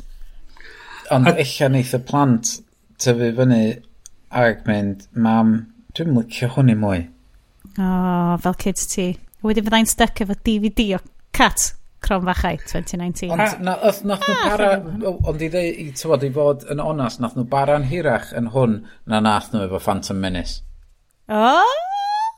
Tyfod, nath un para 3 munud yn Phantom Menace a llall para 10 munud. Nath nhw bara chwarter awr a 20 munud yn hwn. Waw. So, a nath nhw watch Valerian trwad? o, wrth i bodd efo Valerian, Valerian yn, yn un o ffilms gorau. Sean Eden Wright efo hwnna. Dwi heb dangos Valerian y kids fi. Falle ni'n neud uh, weekend ffilm ni, ffilm nos adwn ni, geitho fod yn Valerian yn City of a Thousand Planets. Os da chi heb rand ar y benod yn Valerian yn City of a Thousand Planets, e, mae'n brofiad. Mae'n brofiad. Da di dein dy hand. de. Da di dein dy da. de. Damia, fe rai fi wneud rhyw fath o... Reit, so, i, i gloi am cats, reit? Yeah, please. Mae'n te, falle fydd hwn yn ddarn fydd rhaid unna i torri allan o'r haclediad uh, proper neu i fi diletio'r whole live stream am y gyflo. Gyd edrych si, oedd uh, o'n i'n siarad fel mynd, all right, dyn ni'n mynd i watch a cat. Oedd o fel, a hwnna dyn efo Mr Mistoffelis? O'n i'n fel, ie. Yeah. Oedd o'n mynd, Ys i fel, be? Ti wedi gwachio Team America? Oedd e fel, of gwrs fi wedi gwachio Team America. A dyna gyd dwi'n mynd i ddeud, achos nes i watcha Team America, swn i'n deud... Back in the day. 17 mlynedd yn ôl pan nad oeddwn ni'n ymwybodol o just pa mae'r problematic. Ond eto, ti ar y fine line yna. So mae yna sketch yn Team America a i esbonio pan bod un o'r puppets, that's right puppets, pas yn wedi gwneud cat of a puppets, yn cysau actorion.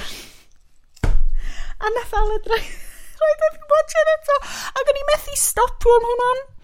Cos o'n i'n mynd, Oh my god, beth dwi'n watch? Oh my god, dwi'n cofio hwn, mae hwn yn ofnad. Oh, stopio fo. So, dwi ddim yn mynd i hwnna yn y notes. Dwi just yn mynd i ddeud. Os da chi really eisiau gwybod, cerwch, cerwch YouTube. Educate yourself, boys. A wedyn peidiwch o gwestiwn dim mwy yna fo. Um, nes i, oedd y ffilm yma yn cywrio i fi. Nes i'n joio fo gymaint mwy na Black Hat. O'n i actively ddim yn licio Black Hat hwn, dwi fel, ah, mae hwn just ar yr ochr bonkers. Mae hwn just ar yr ochr, you tried, seren, ti'n gwybod fel y stickers gifts na ti'n cael fan, I yeah. tried it. Yeah, participation trophy. Yes! Mae hwn fel, da iawn pawb. A na i ddeud, da iawn pawb, ond, so, so da ni byth yn mynd i weld y fersiwn Baz Luhrmann. A da ni byth yn mynd i weld y fersiwn Baz Luhrmann o unrhyw musical rwan, achos dydy studios mawr, Universal, rhain i gyd, dyn nhw ddim yn mynd i ffainansio Maen nhw'n, basically, oedden nhw'n meddwl, ah, we've got a greatest showman on our hands here, great. Gynnu nhw ni just fel seinio checks am well, flynyddoedd efo fo. Efo look, nid nhw just ddim neu mwy o stwff Andrew Lloyd Webber. Ie, yeah, achos mae ma rhan fwy o'r cyneuon yn Greatest Show. Yes, dyn, allu di please watch a Greatest Showman, Just i wneud pethau'n well i ni gyd, fel bod ni gyd yn mm. gallu siarad amdano'r Greatest Showman dwi, cast yma. Clywed y soundtrack? ti'n goffo watch it o? Ti'n goffo dy watch it y bit lle mae Anna ar y trapeze a mae'n sbio ar Zac Efron a mae o'n really romantic. A wedyn maen nhw'n cael dawns trapeze efo'i gilydd. A wedyn mae P.T. Barnum yn neud stuff problematic efo bobl anabol. oh, mae'n hilarious. Mae'n oh, they're relaxing. I don't like relaxing. it, I want that one. Gwyd i neud o wisos nesa. Gwyd i neud o tro nesa. Achos, mae yna pisin yn cychwyn y ffilm lle mae y bachgen ma, effectively eisiau deuddeg oed, a wedyn mae, quote, 5 mlynedd yn pasio, a mae'n troi fewn i 56-year-old Hugh Jackman. Ah, Sydd yn actio boi Genid i ti Genid i ti Dwi'n meddwl na Hanner o'r wedi deg Ar nos fawth Ydy'r amser gorau i wneud penderfyniad yna. So Ro'n i fan y rester Ond dwi'n meddwl Go on! Dyna ni'n wneud y penderfyniad wwan Sorry. So ni'n licio meddwl bod gen i ni gymaint o gynulleidfa bod ni'n rhoi allan i Twitter poll. Di hynna mae'n mynd i ddigwydd. Hei, ie, ffain. Sicr. Da ni'n awards nominate. Yna efo ffilm da ni eisiau gweld. Right. Well. Gwn i fynd at yr fun stuff. Bym pawb di bod yn gwylio heblaw amdan cats. Bym pawb di bod yn gwrando arna heblaw amdan cats. Bym pawb di bod yn joio heblaw amdan joio cats. Fel fi. Uh, right. Okay. Rhywbeth, Gwnaest. rhywbeth neis sydd ddim byd i neud efo cathodion. Um, os gennych chi'r Apple TV app yn unrhyw ffurf o gwbl, ac da chi yn yr oedran na lle fatha fi, da chi'n licio um, gwylio uh, rhaglenni am tai yn cael ei ail wneud a shit fel na. tywa Stuff gobeithiol. Ie. Yeah. tywa mae ma Apple wedi creu rhaglen o'r enw Home. Ag Apple ma na... Home? Diolch cweith amdan how to integrate computers and home pods into It's your home.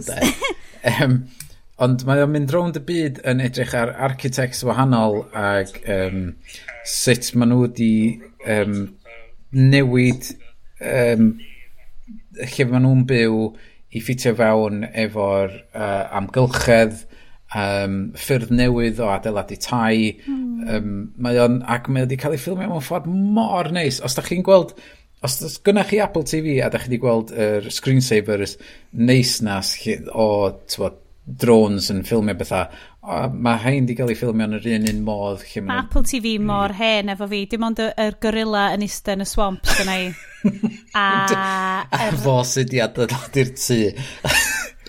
Uh, Mae'r um, so fatha grand designs os fysa pobl sy'n gwybod beth maen nhw'n neud yeah. yn dylunio peth. Rai, cool. Ie, yeah, mae o'n really werth i weld. Am fod mae bob un penod mor wahanol i'w gilydd, mm. ac mae yna un um, sydd yn cyd-fynd efo'r uh, uh, Black Lives Matter yma, um, fe drefn gofio enw fo, ond dwi'n meddwl na'n Chicago mae o, um, ac mae o yn... Um, artist, oh, designer, oh, stroke architect. Yeah, a local artist revitalises inner city social spaces to create a new sense of home for his overlooked uh, community.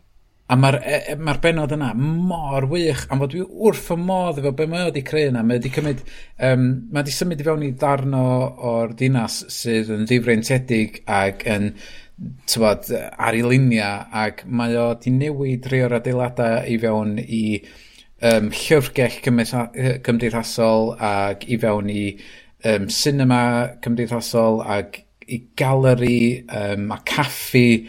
Um, uh, um, mae o trwy waith celfo a'i y pres mae o'n dod i fewn trwy waith celfo wedi traws newid y cymuned yma yn yr ardal yna a mae o'n anhygol be mae wedi gallu creu. Mae'n rili really werth i weld. Achos lle just check efo ti. Os wyt ti, achos dwi wedi prynu ffôn newydd, mm -hmm. Apple, ti fod yn cael Apple TV am flwyddyn efo hwnna? Oed, ti jyst mynd i'r Apple TV app am fod ma'n sylwi fod, o, oh, mae hwn yn ah. rhywbeth newydd ti wedi prynu. Um, o, oh, dyn nhw dde, dwi dwi'n cedi bod fi wedi unsubscribe iddo fo'n meddwl bod o'n charge fi a wan mae'n o gadw i fi wneud stwff. Na, ti dal yn gallu wneud o, mae yna ma ffordd. Diolch. Dim, mae hwn jyst yn personal uh, yeah, text support. Tech support. Dwi'n siŵr fod Granny tech support. Mae'n rhywbeth mae'r ma lot o bobl yn dod ar draws os mae'n rhaid i prynu iPad neu edrych yn rhywbeth arall. hyfryd. Mae'n edrych yn hollol hyfryd. Mae'n really werth, werth i weld. Mae'n neis. Rhywbeth sydd ddim werth i weld, os da chi eisiau fiadio i hynna, de? Cwnen. um, uh, os ydych chi'n oedolyn neu'n blentyn, eich os ydych chi'n blentyn bach, newch chi fwynhau o, ond nath Disney Plus ryddhau ben wythnos ma. Oh, Artemis Fowl. Artemis Fowl. yeah. Waw, um, dwi wedi clywed. O'n i'n bod yn edrych ymlaen, de? O'n i'n bod yn edrych ymlaen. Um, dwi wedi darllen y llyfr cynta, ac o'n i'n meddwl, ww, ie, mae'n iawn, mae'n iawn, fyd o weld sut fydd... Ken Branagh, sut gallai hyn fynd o'i le? Oh, Tewa, ond... Nath nhw wasgu bob dim yn y llyfr yna i fewn i 90 munud ac gorau gwyllwn gymaint o stoff allan yna fo. Gwan Bryn, what are you saying? Judy Dench yna fo hefyd. Judy Dench methu achub hwnna chwaith na? Na, she's on a roll. Dwi di, dwi di clywed podcast heddiw yma o bobl just yn mynd, oh, Ken Branna, a wan te. Dwi'n gwybod dwi wedi siarad am hyn ar rhaglen y blaen. Bach o Branna head. Dwi'n bach o Ken head. Uh, ond dwi hyd yn oed wedi pwyntio allan bod Medron Heo Rengti Express yn rybys. Uh, e, mae Thor ddim ond yn dda achos Thor dio. Uh, dwi ddim yn edrych ymlaen i weld Artemis Fowl o gwbl. Mae Sir Chuckles Branna wedi cwmpa off y radar i yn anffodus o ran parch. Dwi ddim yn credu. He's the Tom Hooper of Shakespearean actors turns directors. Yeah. Shot fired.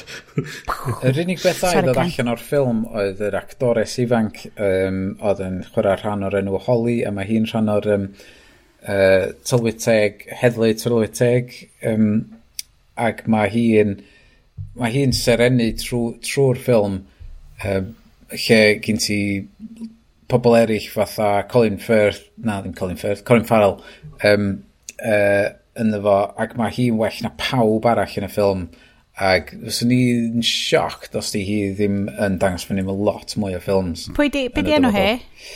O, oh, dwi di rhoi ti on y spot am hynna'n digwydd i fi bob tro. O, oh, mae Bryn... Holly ydi hi yn y ffilms. Os da Bryn yn mynd i gornel. IMDb. Holly a Kiki a Holly a Cuckoo. Um, mae gen i fi un arall off um, er Apple TV subscription os ti'n manage o ffeindio'r subscribe button am ddim am flwyddyn. Na, mae deitha fi bod fi angen talu 49.99. Nath na gwmni animeiddio um, sydd wedi wneud um, be di'r hwnna the, be di'r un ar y BBC ar y funud na ddod dros dolyg rhywbeth yn y whale The Snail in the Whale, ie? Yeah? Ie. Yeah. Dwi eisiau siŵr na nhw na, ddim nhw nath hwnna angen um, oh, dwi'n cofio Mae yna animation arall allan yna, ond be maen nhw wedi newid ydy llyfr Oliver Jeffers um, Here We Are um, amdan planed ddeiar. Ac mae'r animeirio yn y 45 munud Dwi'n fel stop ffilma. motion. Na, mae gyd i cael ei wneud ar gyfrifiadur, ond mae o'n edrych mwy fatha stop motion i style.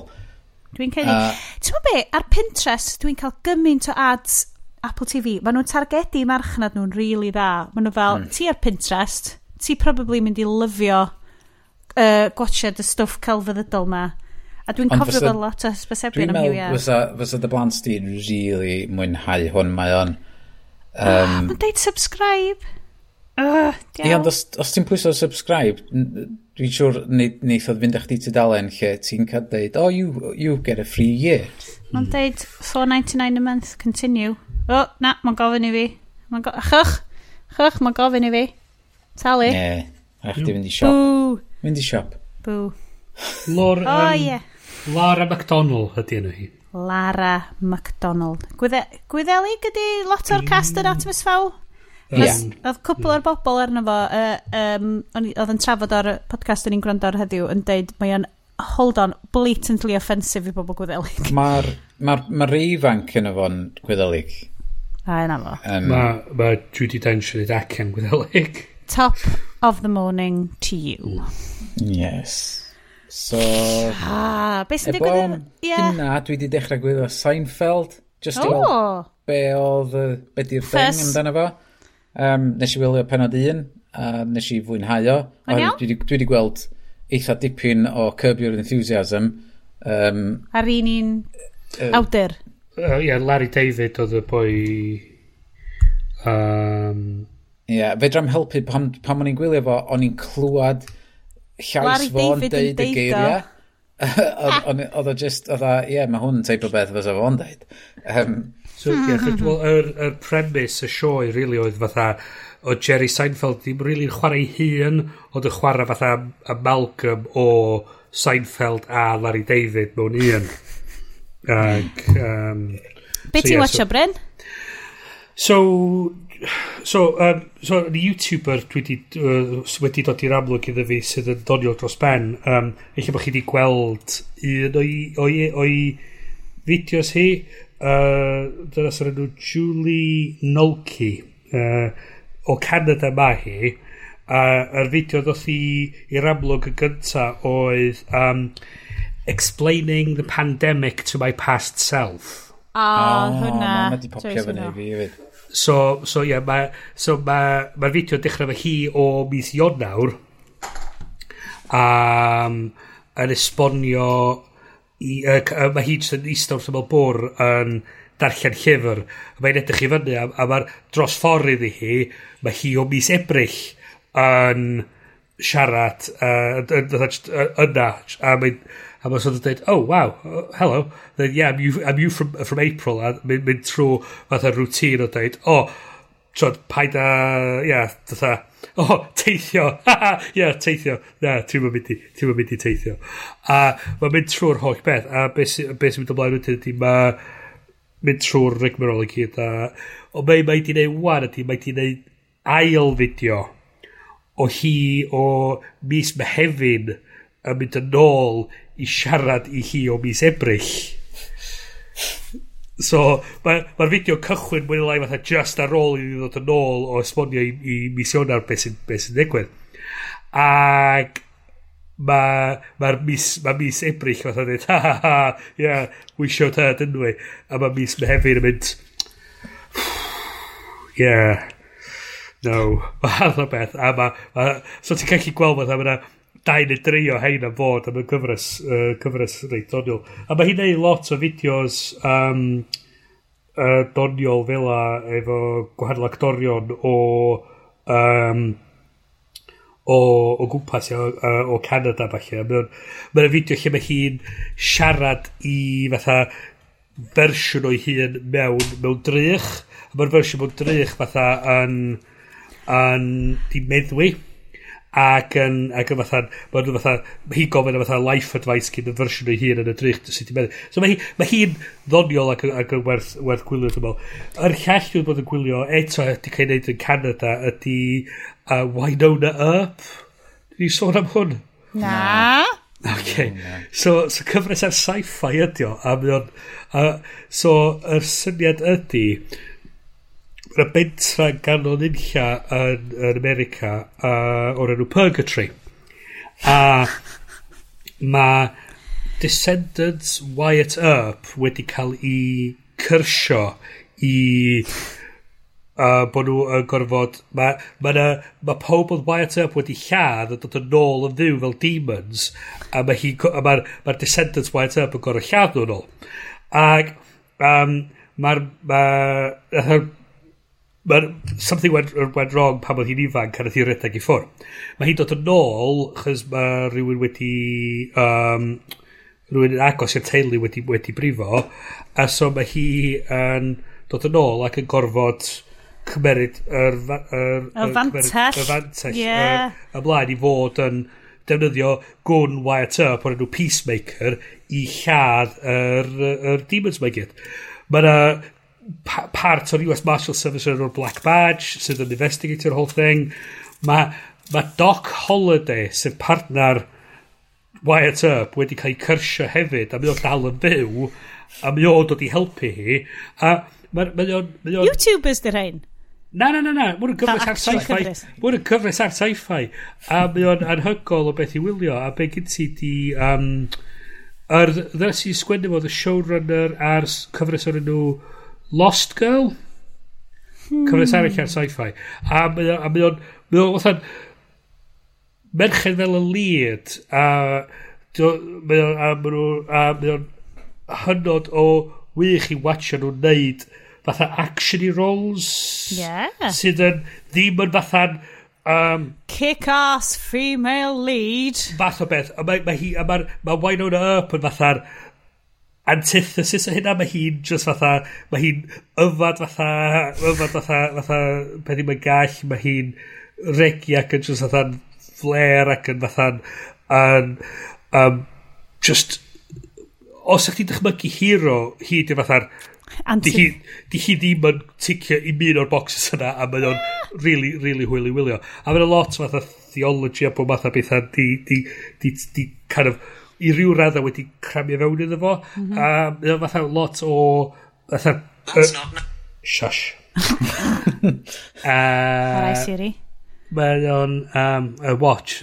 Ah, it's, it's, it's a watch. Um, a beth sy'n digwydd mae o'n... Um, yeah, a mae o'n fatha drama tyluol ond hefyd yn fatha perthnasa rhwng yr, er, er cymeriadau gyd. Mae'n... It's cheap sci-fi. O... Yeah. D fel dyn ni'n deud bob penod. Fel mae'r math o sci-fi mewn yn yr amser arferol hmm. galle fod cynnyrchwyr Cymraeg yn neud. Hmm. Lle hmm. mae... Cos mae ma stuff high con... O, oh, dwi genuinely teimlo. No, not being funny like yes.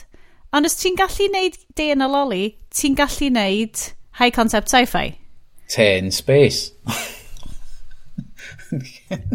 Te yn y Grig. Um, Ti yn y meteor field. Ond hynna di'r pethau sydd wedi bod yn dod i'r um, dod i'r amlwg i fi, so dwi'n dwi mwynhau hynna. Dwi, dwi, ti wedi gwneud fi really eisiau gwylio Tombstone eto, lle no! mae Val Kilmer yn gwneud. ah. Amazing o portred o Doc Holiday. Man. So mae'r ma actor sy'n chwarae Doc Holiday, oedd o'n siarad yn yr er, conferences a falle, gwneud Val Kilmer, oedd wedi bod yn edrych ar pwy oedd mhm, yr fatha uh, portrayals o Doc Holliday, a oedd o dweud, ia, yeah, Val Kilmer oedd kind of a go-to, a fel oedd pobl dweud, ia, mae'r ma, ma, ma boi yma hefyd yn fatha'r probably ar, ar y rester yna wan. Ah, sydd, sydd amazing. Ipyn o, beth. Cos dwi'n gwybod i mi ddim hwnna, dwi'n cofio gwachod The Assassination. Mae'n gyfres i ddau ar Netflix. Mae'n uh, gyfres am y pedwerydd ar y ffordd. Ding, ding! So, gwachod The Assassination of Robert Netflix, Ford by the coward Na, so, yeah, by the uh, coward. Uh, Jesse James. Jesse James by the coward Robert Ford. Yeah. Mm -hmm. Dwi'n mhm. cofio gwachod hwnna, achos ni byth fe'n i westerns, ond dwi'n cofio gwachod hwnna a just bod yn fel, oh god, so mae ma ffilms mae'n gallu deud stwff. Allai ddim... Mae ma mwy fel impressionistic, visceral, llwch a gwaed. Mm -hmm. Ond eto fel da ni'n sôn o hyd, fel mae stori... Mae'r stori of, quote, The West wastad yn stori wen iawn o'r fersiwns da ni'n cael fan hyn yn Gymru. Mm -hmm. um, na ffilm... Reit, dwi'n mynd i fod yn rili really amharchus achos dwi ddim yn cofio enw'r ffilm, ond ffilm, a dwi gyd dwi'n cofio di'r poster, a dim lun o weith, dwi'n mynd credio ddi, ond fenyw gri, uh, croenddi, yn dal shotgun efo'i theulu hi ar wagon cart tu ôl iddi, ac oedd yna camoliaeth rili really, rili really dda, dyma stori western ti angen gweld o perspective di, ti'n ma, ac o'n i just fel, okay, mae hwnna'n stori o America, dwi ddim yn gwybod dim byd amdano fo. Sut bod fel... Faint o hyn? Ah, llynedd. Really oh. ddiweddar, really ddiweddar. Um, a dwi'n cofio gweld o fel, oh, reit, mae hwnna ar y list fi. A wedyn, obviously, dwi byth yn cyrraedd, dwi'n byth yn cyrraedd unrhyw beth ar y list fi. Mudbound, neu... I, cwd, gallai e fod, mae hwnna'n swnio'n... Mae hwnna'n swnio'n really gyfarwydd. Um, yeah, amharchus, mae'n wir ddrwg gennau. Mae dau, tri tyn drink down a dydy'r brain ddim yn gweithio fel oedd o. Achos er, dwi, dwi ddim yn gwylio stuff yn ymeddar, dwi wedi trio... Ie, oedd Mudbound um, yeah. efo pobl ar gefn trailer, um, a mae hwnna 2017. O, na ti. Mae um, blynyddoedd yn mynd yn ddim i fi erbyn Di, di amser fel i mi byd. Di, di amser yn golygu di. Ie, yeah, mae dal ar gael ar Netflix, a mae o'r list fi ers, Mudbound. ers, ers iddo fod arno fo, dwi heb di gael rownd iddo fo hwnna di o, pan mae'na fel flashy, flashy, shiny, shiny, hot mess fel cats o dy flaen di. Achos oedden ni, oedden ni yn ystyried dewis fel ffilm hefo... Um, ffilm, pa un arall oedd ar y rhestr hefo ni? Oh. Uh, uh, Rhyw yeah. rom... Yn y rom-com ar Netflix eitha newydd. Oh. A oedd hwnna, dais ar y Cymael Nangiani a rhywun arall, y dais eren Croenliw arno fo ac dwi'n cofio fel, o'n i fel dydw i ddim eisiau dyncio ar y ffilm sydd yn dangos dau person croenliw fel prif cymeriadau mewn rom-com big budget ar Netflix. Gwni fel, a diwm, diwm ti'n rhaid i fod yn dyncio'r ffilm yna yr adeg rwan. Dwi'n cael ei sôn iawn i, i dyncio fo yn gyffredinol pan bobl yn trio stuff yn galed. Fel maen nhw'n trio yn cats yn really galed. Seren, you tried. Da iawn, cats. Um, darllen, dwi wedi bod yn neud fel dwyb. Dwi wedi bod yn darllen The Mirror and the Light, sef y, ffilm, uh, y llyfr Hilary Mantel ola o'i hanes i am Thomas Cromwell. So mae hwnna unwaith eto yn very much imperialistic Saesneg. Ond mae'r ffordd Hilary Mantel yn sgwennu yn gyfareddol. Mae o fel breuddwyd really spooky. Fel dwi wedi darllen stuff hi. Lovebirds. Lovebirds oedd y ffilm. Yeah. Eich um, ni gyd yn licio fo. Ie, ond dyna, ti, ti ddim am ffilm di ddim? Ti eisiau rhywbeth sydd universally fel, well, dy hwn yn really yeah. gweithio na. Os ni'n really licio os y pobl yn deitha ni, rei, be, pa ffilm maen nhw'n meddwl. Mae gen oh, yeah, Milsey Fanwr ffilm. Dwi ddim yn cofio beth i enw fo. Mae gen i fo Dolph Lundgren yn efo fel prif gymeriad. Ac oedd o fel, wyt ti ddim wedi gwachio'r hwnna? Ac o'n i fel, obviously, ti'n nabod fi sy'n gymynedd. Wrth gwrs dwi heb wachio'r hwnna. Ac oedd o fel, o mae o'r ffilm gweithio erioed. Mae'n amazing. O, o, o, tro be. Tro, di o heb di gweld i byd. Nath o watch a cat efo fi. Na, dda, ffilms gwaith. Ah. I, I'll take it, I'll take him. Come on, but, o, rhaid ti ddewis un erbyn penod nesaf. Mae'r Grand... O'n i'n dweud, mae'r gwylwyr, but also, gwylwyr, mae'r grandawyr yn gwyched Just... i ti ddod fewn efo na... good quality. Mae yna restr cymaint o'r stwff. Dwi'n dwi eitha sicr bod wedi gweld chunk reit da o'r IMDb bottom 100 erbyn hyn. Ah. Um, a ti'n goffa bod mewn special bell curve i fod yn fanna'n dwi'n dweud. Um, So, darllen... O Spice World, the movie, ar y bottom 100. O, nes i weld, nes i weld Ab Fab, the movie. A yeah. waw, mae hwnna yn reit lawr yna. Oedd hwnna'n mm. y mis dwytha, ac o'n i'n mis i weld o, ond nes i just, reit, oce, okay, derbyn, be oedd pobl eraill eisiau wylio. Da chi angen saf... Na! awgrymwch y stwff ma. Da chi angen safio rhain fyny at pan mae'r caclediad grŵp chat yn mynd, oce, okay, beth ni'n mynd i watch y penod nesaf? So, Wedyn ni'n goffa scramblo i trio desperately ffindio rhywbeth. Cadwch rester. So, so yestyn, hyn di'r thing wan, mae'n get out of jail free card iddo chdi. Ond y peth ydy, ddech chi'n gorfod gwylio'r ffilm na wedyn, os da ni'n dewis o. Yeah, so, ti'n chi y teulu a dweud, o, fe ddim gwachio do, achos mae'n gorfod mynd ar rest ar haglediad, so fe ddim gwachio do. So. Um, gai just deud o ran uh, stuff Doniol dwi wedi bod yn gwachod yn ddiweddar. Oh, please, yeah. Um, oedd friend of the show Rodri Abdyfrig wedi he, uh, highlightio hon. Uh, face, dwi, dwi, Facebook videos dwi'n gwachod nhw. Ond dwi'n siŵr maen nhw'n bodoli mewn llefydd eraill. Uh, that's what I reckon. So, boi Australaidd, possibly uh, Sela Newydd, probably Australaidd. Um, sydd yn fel full on metal like tattoos. Ti'n fel gwallt really, really hir, really, really tenna mm -hmm. wedi mhm. straight na'r holl fel lawr. A piercings bob man. A mae jyst yn cwcio bwyd really simple, really nice. Mae'n mynd. Nice. Right. Just fuck off with your fucking packet fucking pasta. Dwi wedi gweld hwn. Do, mae'n mae wych. Mae'n wych. Mae'n brilliant, dydy. Mae'n fel... Like, just the all this fucking packet macaroni to fuck off. Right, all I need is this. Boof. Pint of milk. Boof. Stick of butter. Boof! Some cheese! Right!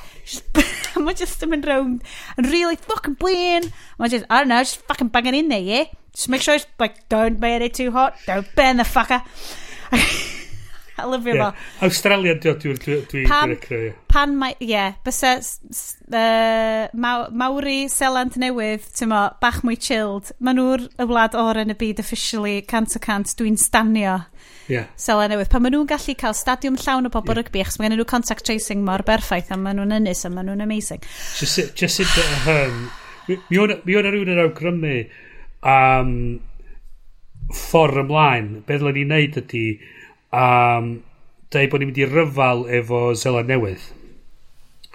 Wedyn, ac yn ôl dedd y la, y, fatha, y byd, os ti'n coll... Dda, pwy bynnag sy'n ennill y ryfel, nhw sy'n cymeriad dros o llywodraeth y lle sydd yn cael i, i giro. Pwy weddau? Nhw sy'n gyfrifol. Ni, Nhw sy'n gyfrifol amdan wneud y sicr bod yr infrastructure a bob dim ddim yn chwalu a bob math o bethau fel la.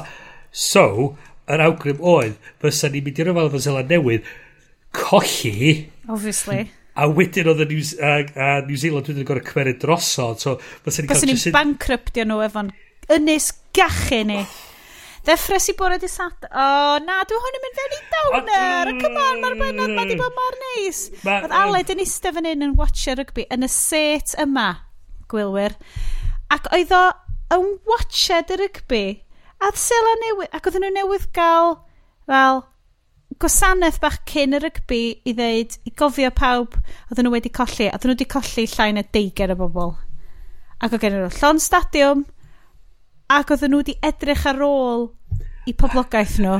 A'r peth gweitha wedyn hefyd ydy, maen nhw wedi cael dau achos yn y dyddiad dweitha.